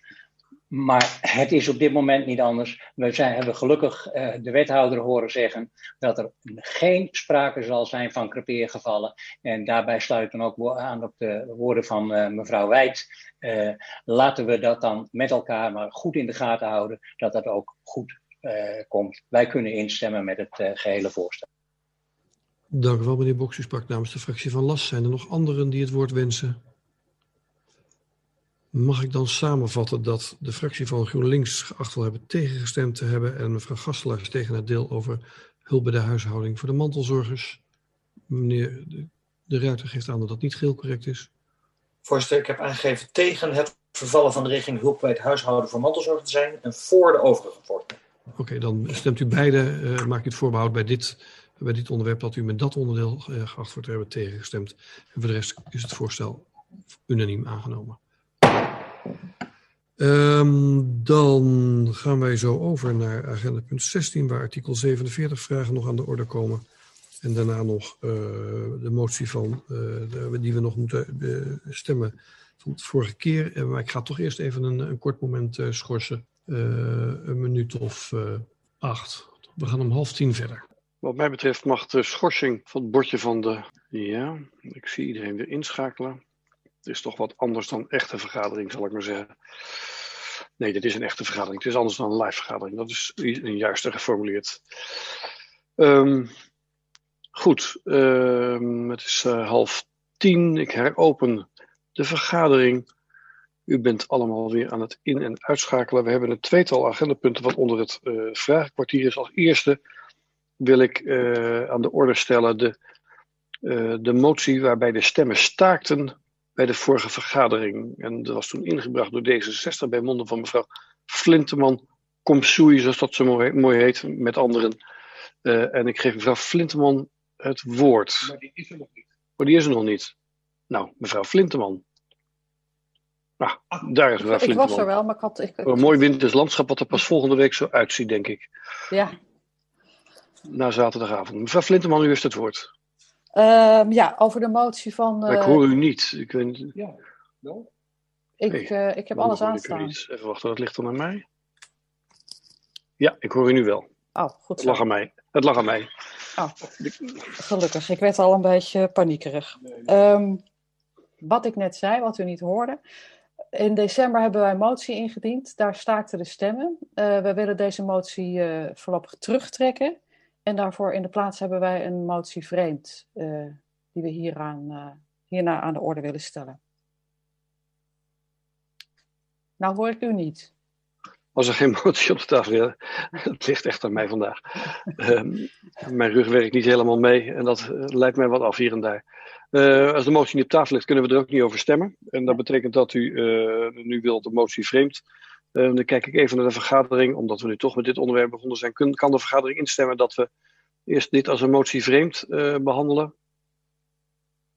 Ik zie niemand daar ernstig over twijfelen. Dan stel ik, uh, geef ik u de gelegenheid om die motie vreemd aan de orde te stellen. Kom ik daarna terug over. nee, dat is hem. Gaat u rustig verder. Ja. Uh, ja, motie vreemd over een, een vergelijkbaar onderwerp. in dit geval tarivering en de nascheiding uh, PMD is eigenlijk een samenvatting van uh, de discussie waar we het in uh, december over gehad hebben. En het verzoeken is om alle cijfers op een rijtje te zetten ten aanzien van het onderwerp vaste tarieven, DIFTAR-tarieven, nascheiding PMD en bronscheiding PMD. En ik zal alleen het, de oproep aan het college hier voorlezen en niet de hele motie, want het is nogal een, een heel verhaal. Uh, wij roepen het college op om op basis van recente gegevens een onderzoek in te stellen naar de effecten op het gebied van kosten en milieu, specifiek voor de gemeente Soest, naar verschillende vormen van afvalstoffenheffing, vasttarief of DIFTAR, en scheiding PMD, nascheiding of bronscheiding.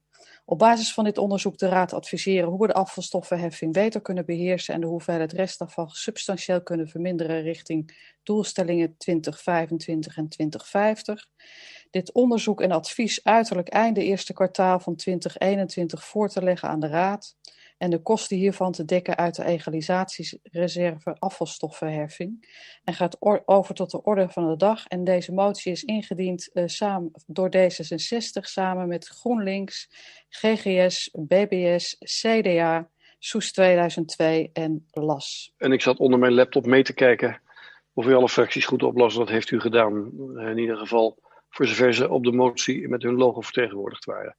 Um, ik kijk even of leden van de raad hier iets over wensen te zeggen, of dat ze eerst het woord willen afwachten. Nee, ik wil niet eerst het woord afwachten. Dan ga ik naar mevrouw Terbeek, Suikerbuik en wie nog meer. Mevrouw Gastelaars, meneer Lucas, van der Torre, mevrouw Rozen. Groothuis. Dat lijkt hem vooralsnog te zijn. Nee, meneer De Wolf zie ik nog zwaaien naar mij. Dat is best aardig van meneer De Wolf. Ja, en nog even als eerste het woord aan mevrouw Tebeek Suikerbuik, fractie GroenLinks. Ja, dank u wel, meneer de voorzitter. Um, nou ja, het hoeft duidelijk te zijn dat wij absoluut uh, instemmen met deze motie. We zijn mede-indiener en dank aan uh, mevrouw uh, Flinteman voor al haar werk. Het kleine aandachtspunt voor ons is nog wel dat als het gaat om bewustwording onder de burgers, als het gaat om afvalinzameling, dat dat ook wel wordt meegenomen in de uiteindelijke afweging bij ons in de raad. bewustwording bij de inwoners dat alles wat in je huis gaat er uiteindelijk ook wel weer uit moet. En dat, het niet, dat ze het minder gaan zien als afval en meer als herbruikbare grondstoffen. Dank u wel. Dank u wel, mevrouw Terbeek-Suikerbuik. Ik geef het woord aan mijn gastelaars. Zij spreekt namens DSN. Ja, voorzitter, dank u wel. Ja, wij kunnen instemmen met, uh, met deze motie. Uh, zijn benieuwd naar de uitkomsten.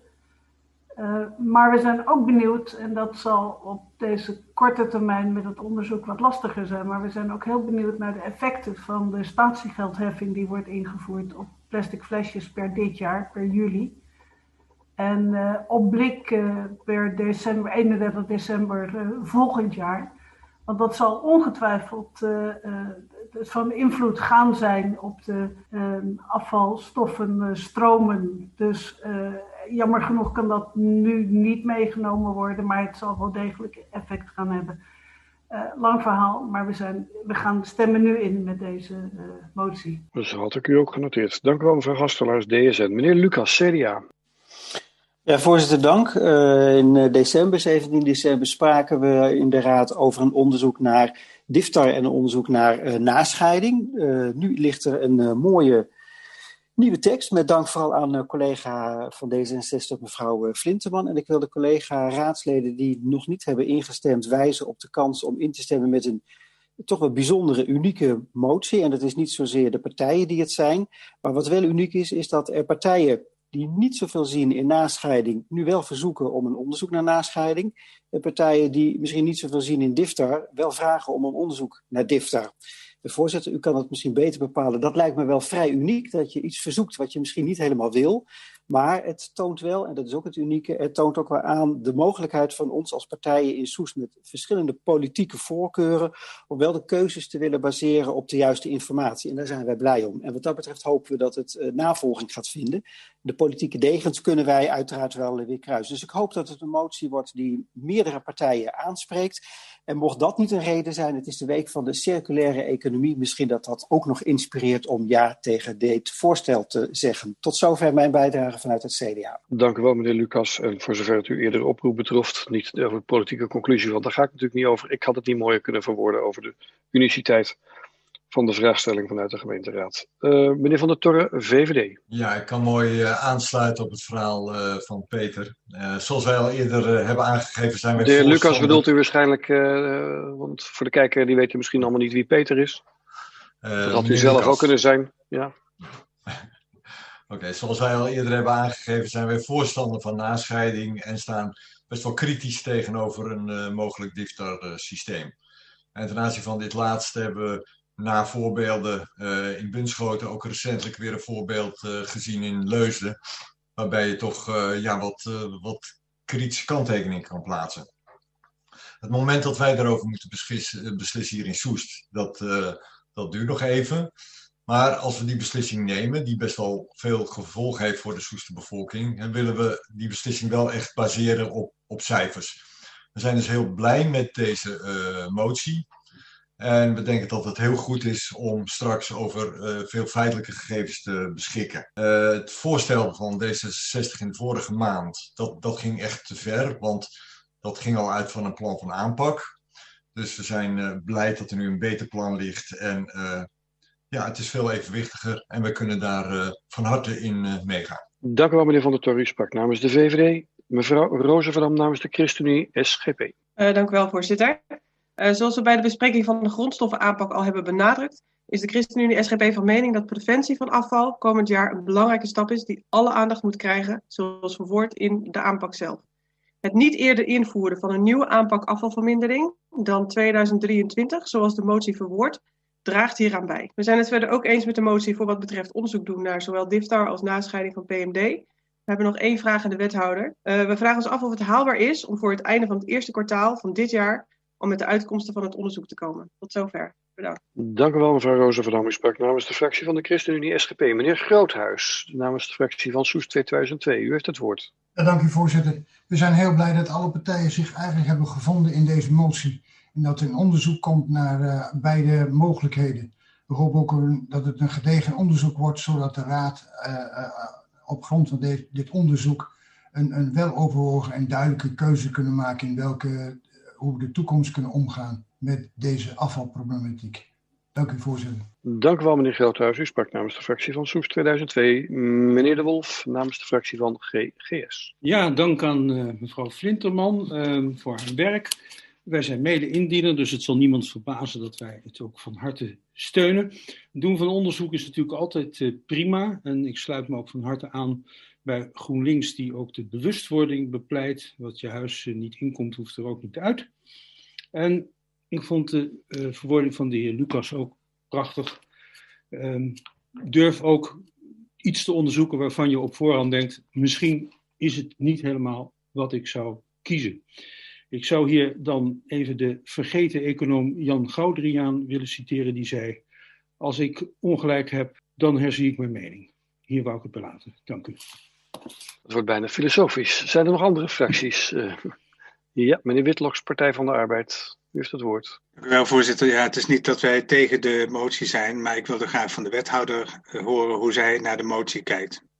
Daar ging ik haar sowieso nog toe uitdagen. Meneer Boks, las. Voorzitter, het feit dat wij mede-indiener zijn, uh, mogen duidelijk zijn dat wij uh, volledig achter dit, uh, deze motie staan. Waarvan akte? Zijn er nog andere fracties? Dan kijk ik naar wethouder Koendic, die namens het college u van advies kan dienen en een concrete vraag gaat beantwoorden. Dank u wel, voorzitter. Uh, nou, altijd heel fijn om uh, de raad zo eensgezind uh, te zien. Of tenminste, de meeste fracties uh, spreken zich positief hierover. En ja, dat is op zich ook niet wonderlijk, want het lijkt wel alsof de twee stromingen die we vorige maand in de raad zagen, één richting de DIFTAR en de andere richting de nascheiding, hierin verenigd worden. Uh, en u vraagt een uh, onderzoek uh, naar die beide stromen te doen om zoveel mogelijk feitelijke informatie aan te leveren. Nou kan ik u, hebben we vorige keer ook uitgebreid daarover gehad. er zijn al een heleboel cijfers in de stukken gepresenteerd. Um, maar kennelijk niet inzichtelijk genoeg om ook daaruit een eenduidige conclusie te kunnen trekken. Um, en de volgende stap die ik ook vorige maand aankondigde was uh, de regionale grondstoffenvisie die we uh, als uh, regio aan het maken waren, regiogemeenten die verenigd zijn binnen de RMN. Um, en die is inmiddels ook door het college vastgesteld en die komt ter discussie in deze raad, ik, als ik me niet vergis, eind maart, begin april. Uh, ter besluitvorming. En daar zijn de cijfers, uh, de meest recente cijfers over beide systemen ook uh, in opgenomen. ik kan u toezeggen dus dat die cijfers sowieso komen. Uh, ik wil ook graag uh, met uh, nou in ieder geval de portefeuillehouders binnen de fracties over dit onderwerp in gesprek over wat we nog meer nodig zouden he hebben. Hè, want die cijfers zijn dus in dat stuk op een rijtje gezet nogmaals. en ik weet dat er ook binnen verschillende fracties nog wat andere vragen leven ten aanzien van bepaalde nadelen van het een of het andere systeem. Die, die vragen zou ik ook graag willen inventariseren zodat ik dat mee kan nemen. Um, en daarmee kom ik dan ook nog op de vraag van ChristenUnie uh, die net gesteld is. Uh, toen over deze motie met mij eerder gesproken werd, dat was een aantal weken geleden. En toen realiseerde ik me dat ook niet. Maar uh, eind eerste kwartaal, dat is al over een maand. En dat zou betekenen dat ik eigenlijk dat onderzoek al volgende maand in het, of volgende week in het college zou moeten hebben. En ja, zoals u dat kunt vermoeden, is dat onmogelijk. Dus ik wilde u vragen om um, uh, deze motie uit te stellen. Uh, totdat we uh, de behandeling van de regionale grondstoffenvisie hebben. en ik hoop dat ik bij die behandeling ook nou ja, op alle vragen al antwoord heb gegeven. en dat die misschien dan ook niet nodig is. En mocht die dan alsnog nodig zijn, dan kan die nog altijd ingediend worden, uiteraard. Ik hoor een hele welwillende wethouder. Die graag met u gaat kijken wat er allemaal nodig is. Goed, mevrouw Flinterman. Zie ik als eerste. Dank u wel, uh, voorzitter. Um, ja, dat is een, een hele een prima reactie, lijkt het, uh, van, de, van de wethouder. Want eigenlijk zegt u van de, de stukken zijn er al, de cijfers zijn er al. En die krijgen we eind maart nogmaals te zien. Um, ik wil dan wel van de wethouder nog weten, zijn deze cijfers dan ook dusdanig inzichtelijk gepresenteerd dat wij die verschillende stromingen naast elkaar kunnen zien? Of kunt u daar dan desnoods nog een soort bijsluiter bij maken, zodat wij um, uh, daar als raad toch wat meer inzicht in krijgen als dat we uh, her en der losse tabelletjes bij elkaar moeten plakken. Dus dat is de ene de één vraag. En de tweede vraag, u zegt vragen door de woordvoerders extra te stellen bij, bij dit stuk wat er gaat komen van de regionale afvalstoffenvisie. Um, misschien is het mogelijk dat we daar een aparte sessie voor organiseren, of dat u daar een aparte Zoom-sessie voor kon doen, dat, als dat nodig is. Want als, kijk, wij zijn ook niet zo dat we denken van we gaan nu onder druk zetten om eind dit kwartaal die cijfers op te leveren, als dat eigenlijk al gebeurt. Dat is natuurlijk een beetje onzin. En uh, bovendien bespaart dat ook weer tijd en geld. Um, maar mijn vraag is eigenlijk, wat wij straks gaan zien, eind maart. Kunt u dat dusdanig presenteren dat het recht doet aan de motie die we hier vanavond hebben voorgelegd? Ik hoorde dat de wethouder eigenlijk zeggen, sterker nog, ik hoorde de wethouder eigenlijk zeggen, de uitgestoken hand, ik wil nog met u in overleg, want als, anders, er nog meer dingen uitgezocht moeten worden, dan hoor ik dat graag voordat u gaat mopperen dat het niet goed genoeg is. Uh, tenminste, dat was mijn interpretatie. Maar ik ga kijken naar de wethouder namens het college of mijn interpretatie de juiste is. Dank u wel, voorzitter. Nou, ik zou niet snel zeggen dat iemand inderdaad moppert, maar uw samenvatting uh, klopt zo ongeveer. Um, uh, ja, de cijfers uh, um, zijn ook, de, de analyse van verschillende stromen en verschillende systemen, die is in die grondstoffenvisie opgenomen en dan ook voor alle gemeentes binnen onze regio. Ook voor alle gemeentes afzonderlijk uiteraard, dus daar zit ook vergelijkingsmateriaal in. Um, ja, in mijn ogen is die uh, uh, duidelijk genoeg. Maar ik zou juist inderdaad met, je, met u in gesprek willen om te kijken, zijn ze dan duidelijk genoeg, uh, ook voor iedereen? En is er nog iets meer nodig wat ik moet uitzoeken richting de bespreking en de vaststelling van die regionale grondstoffenvisie? Want dan weten we ook met elkaar of, die, of ik kan voldoen aan die verwachting. Met andere woorden, u verzoekt eigenlijk om de motie aan te houden en soort procedureoverleg te hebben om te kijken of wat er aan materiaal beschikbaar is voldoet aan de wensen die de Raad conform de motie heeft. Kijk naar mevrouw Flinteman nog weer of dat een goede samenvatting is. Uh, ja, dat uh, lijkt me wel, uh, voorzitter. En ik kijk dan vervolgens even naar mijn mede-indieners van deze motie. Of zij het eens zijn met het verzoek om de motie aan te houden. Ik, ik zal het, duimpjes. het non-verbale gedrag doet mij vermoeden dat ik kan samenvatten dat de unanieme raad kan instemmen ermee dat de motie daarmee wordt aangehouden dat u technisch in overleg gaat en dat vervolgens het gesprek rondom de regionale grondstoffennota uh, zal gaan plaatsvinden. Als dat een goede samenvatting is, dan is daarmee dit agendapunt behandeld en afgehandeld zelfs. Dan gaan wij nu over naar de artikel 47 vragen van Les Komsui over de schuldhulpverlening. Ik kijk even naar meneer Boks, denk ik. Ja, u heeft het woord. Ja, dank u wel, uh, voorzitter. Uh, per 1 januari jongstleden is de inbreng van de gemeente bij de schuldhulpverlening fors gewijzigd. Naast de plicht om uh, gedegen vroegsignalering op te zetten, moeten er ook zelfstandigen met schuldproblemen in onze hulpverlening worden opgenomen. En dat zullen er waarschijnlijk ook in Soest velen zijn, mede als gevolg van corona. Wij refereren aan een artikel uh, in de Gooi en Eemlander op 9 januari. En daarom hebben CDA, Soes 2002 en LAS al op 11 januari de volgende vragen aan het college gesteld. Vraag 1. Hoe kijkt uw college aan tegen de voorspelling in het artikel waaruit wij concluderen dat in Soest tussen de 100 en 150 ZZP'ers binnenkort een beroep op de schuldhulpverlening zullen gaan doen? Vraag 2. Hoeveel mensen zitten er momenteel in de schuldhulptraject en hoeveel staan er op een mogelijke wachtlijst? Vraag 3. Op welke wijze heeft u zich voorbereid op de te verwachten toestroom? Vraag 4. Welke externe partners zijn hiervoor ingeschakeld? En vraag 5. Wat zijn de mogelijke financiële gevolgen voor de Soester begroting. Graag horen wij uw antwoord aansluitend. Dank u wel. Dank u wel, meneer Boks Komsoei, voor de actualiteitsvragen. En dan kijk ik naar wethouder Van Aalst, die namens het college de antwoorden zal verzorgen. Wethouder Ja. Van Aalst, u heeft het woord. Dank u wel. Nou, uw eerste vraag, ehm, hoe wij aankijken tegen de voorspelling in het artikel over de omvang van de groep die een beroep zal doen op schuldhulpverlening. Nou, in het artikel wordt gesproken over Nederland, hè, 65.000 ZZP'ers die in de schuldhulpverlening zouden kunnen komen.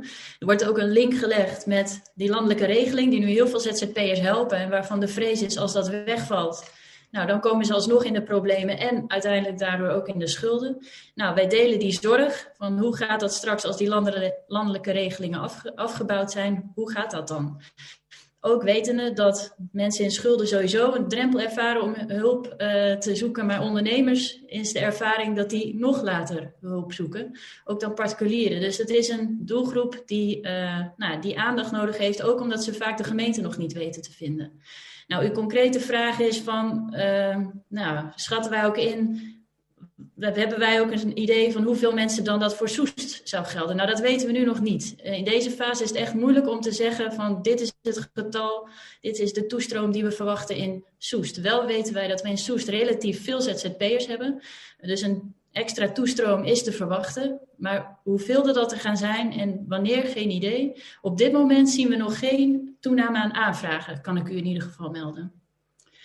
Dan uw tweede vraag. eh, hoeveel inwoners zitten, totaal, of zitten er momenteel in een schuldhulptraject? Nou, op dit moment hebben wij 232 actieve schuldhulpdossiers, waarvan 20% bestaat uit ondernemers.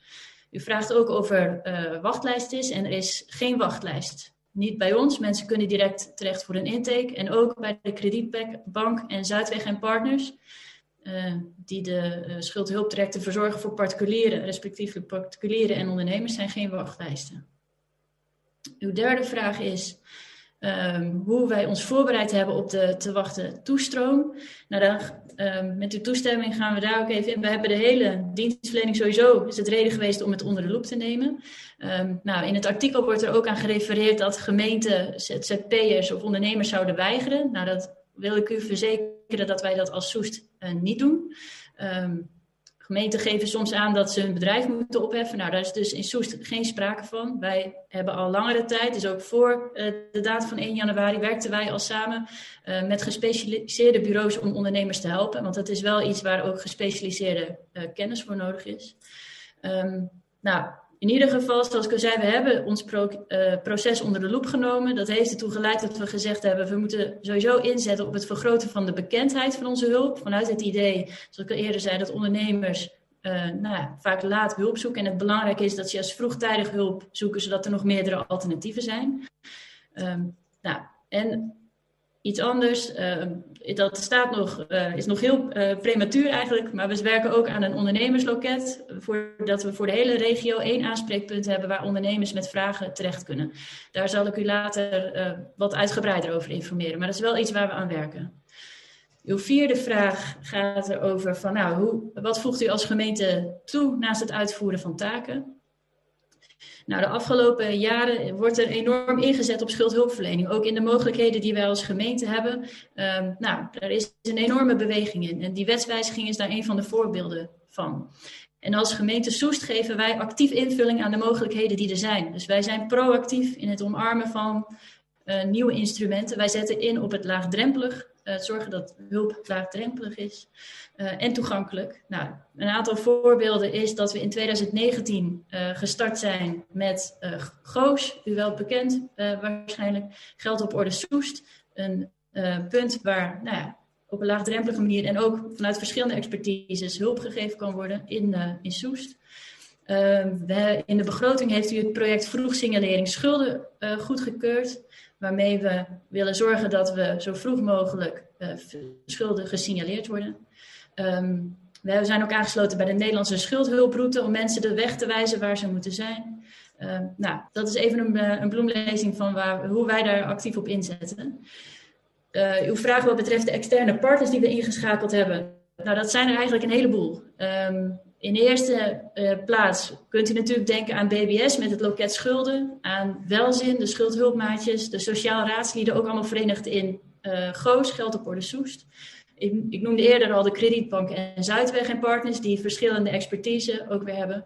Uh, maar juist met vroegsignalering schulden en wordt, uh, is het doel om die groep nog veel groter te maken. Dus dat ook in de signalering, ook zorgverzekeraars, woningcorporaties, energiemaatschappijen, nou al die organisaties die ook kunnen signaleren, hier is iets aan de hand. Uh, nou, dat, die ook, dat die signalen ook doorkomen. Tot slot uw vraag over de financiële gevolgen voor de Soester begroting.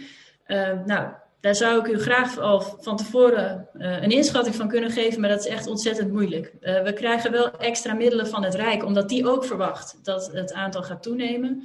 Maar of dat voldoende gaat zijn, dat durf ik u echt niet te zeggen. Dank u wel, wethouder Van Alst, voor de uitvoerige beantwoording van de vragen. Dan ga ik kijken of dat aanleiding is tot vervolgvragen vanuit de gemeenteraad, of dat u hier vooralsnog mee uit de voeten kunt.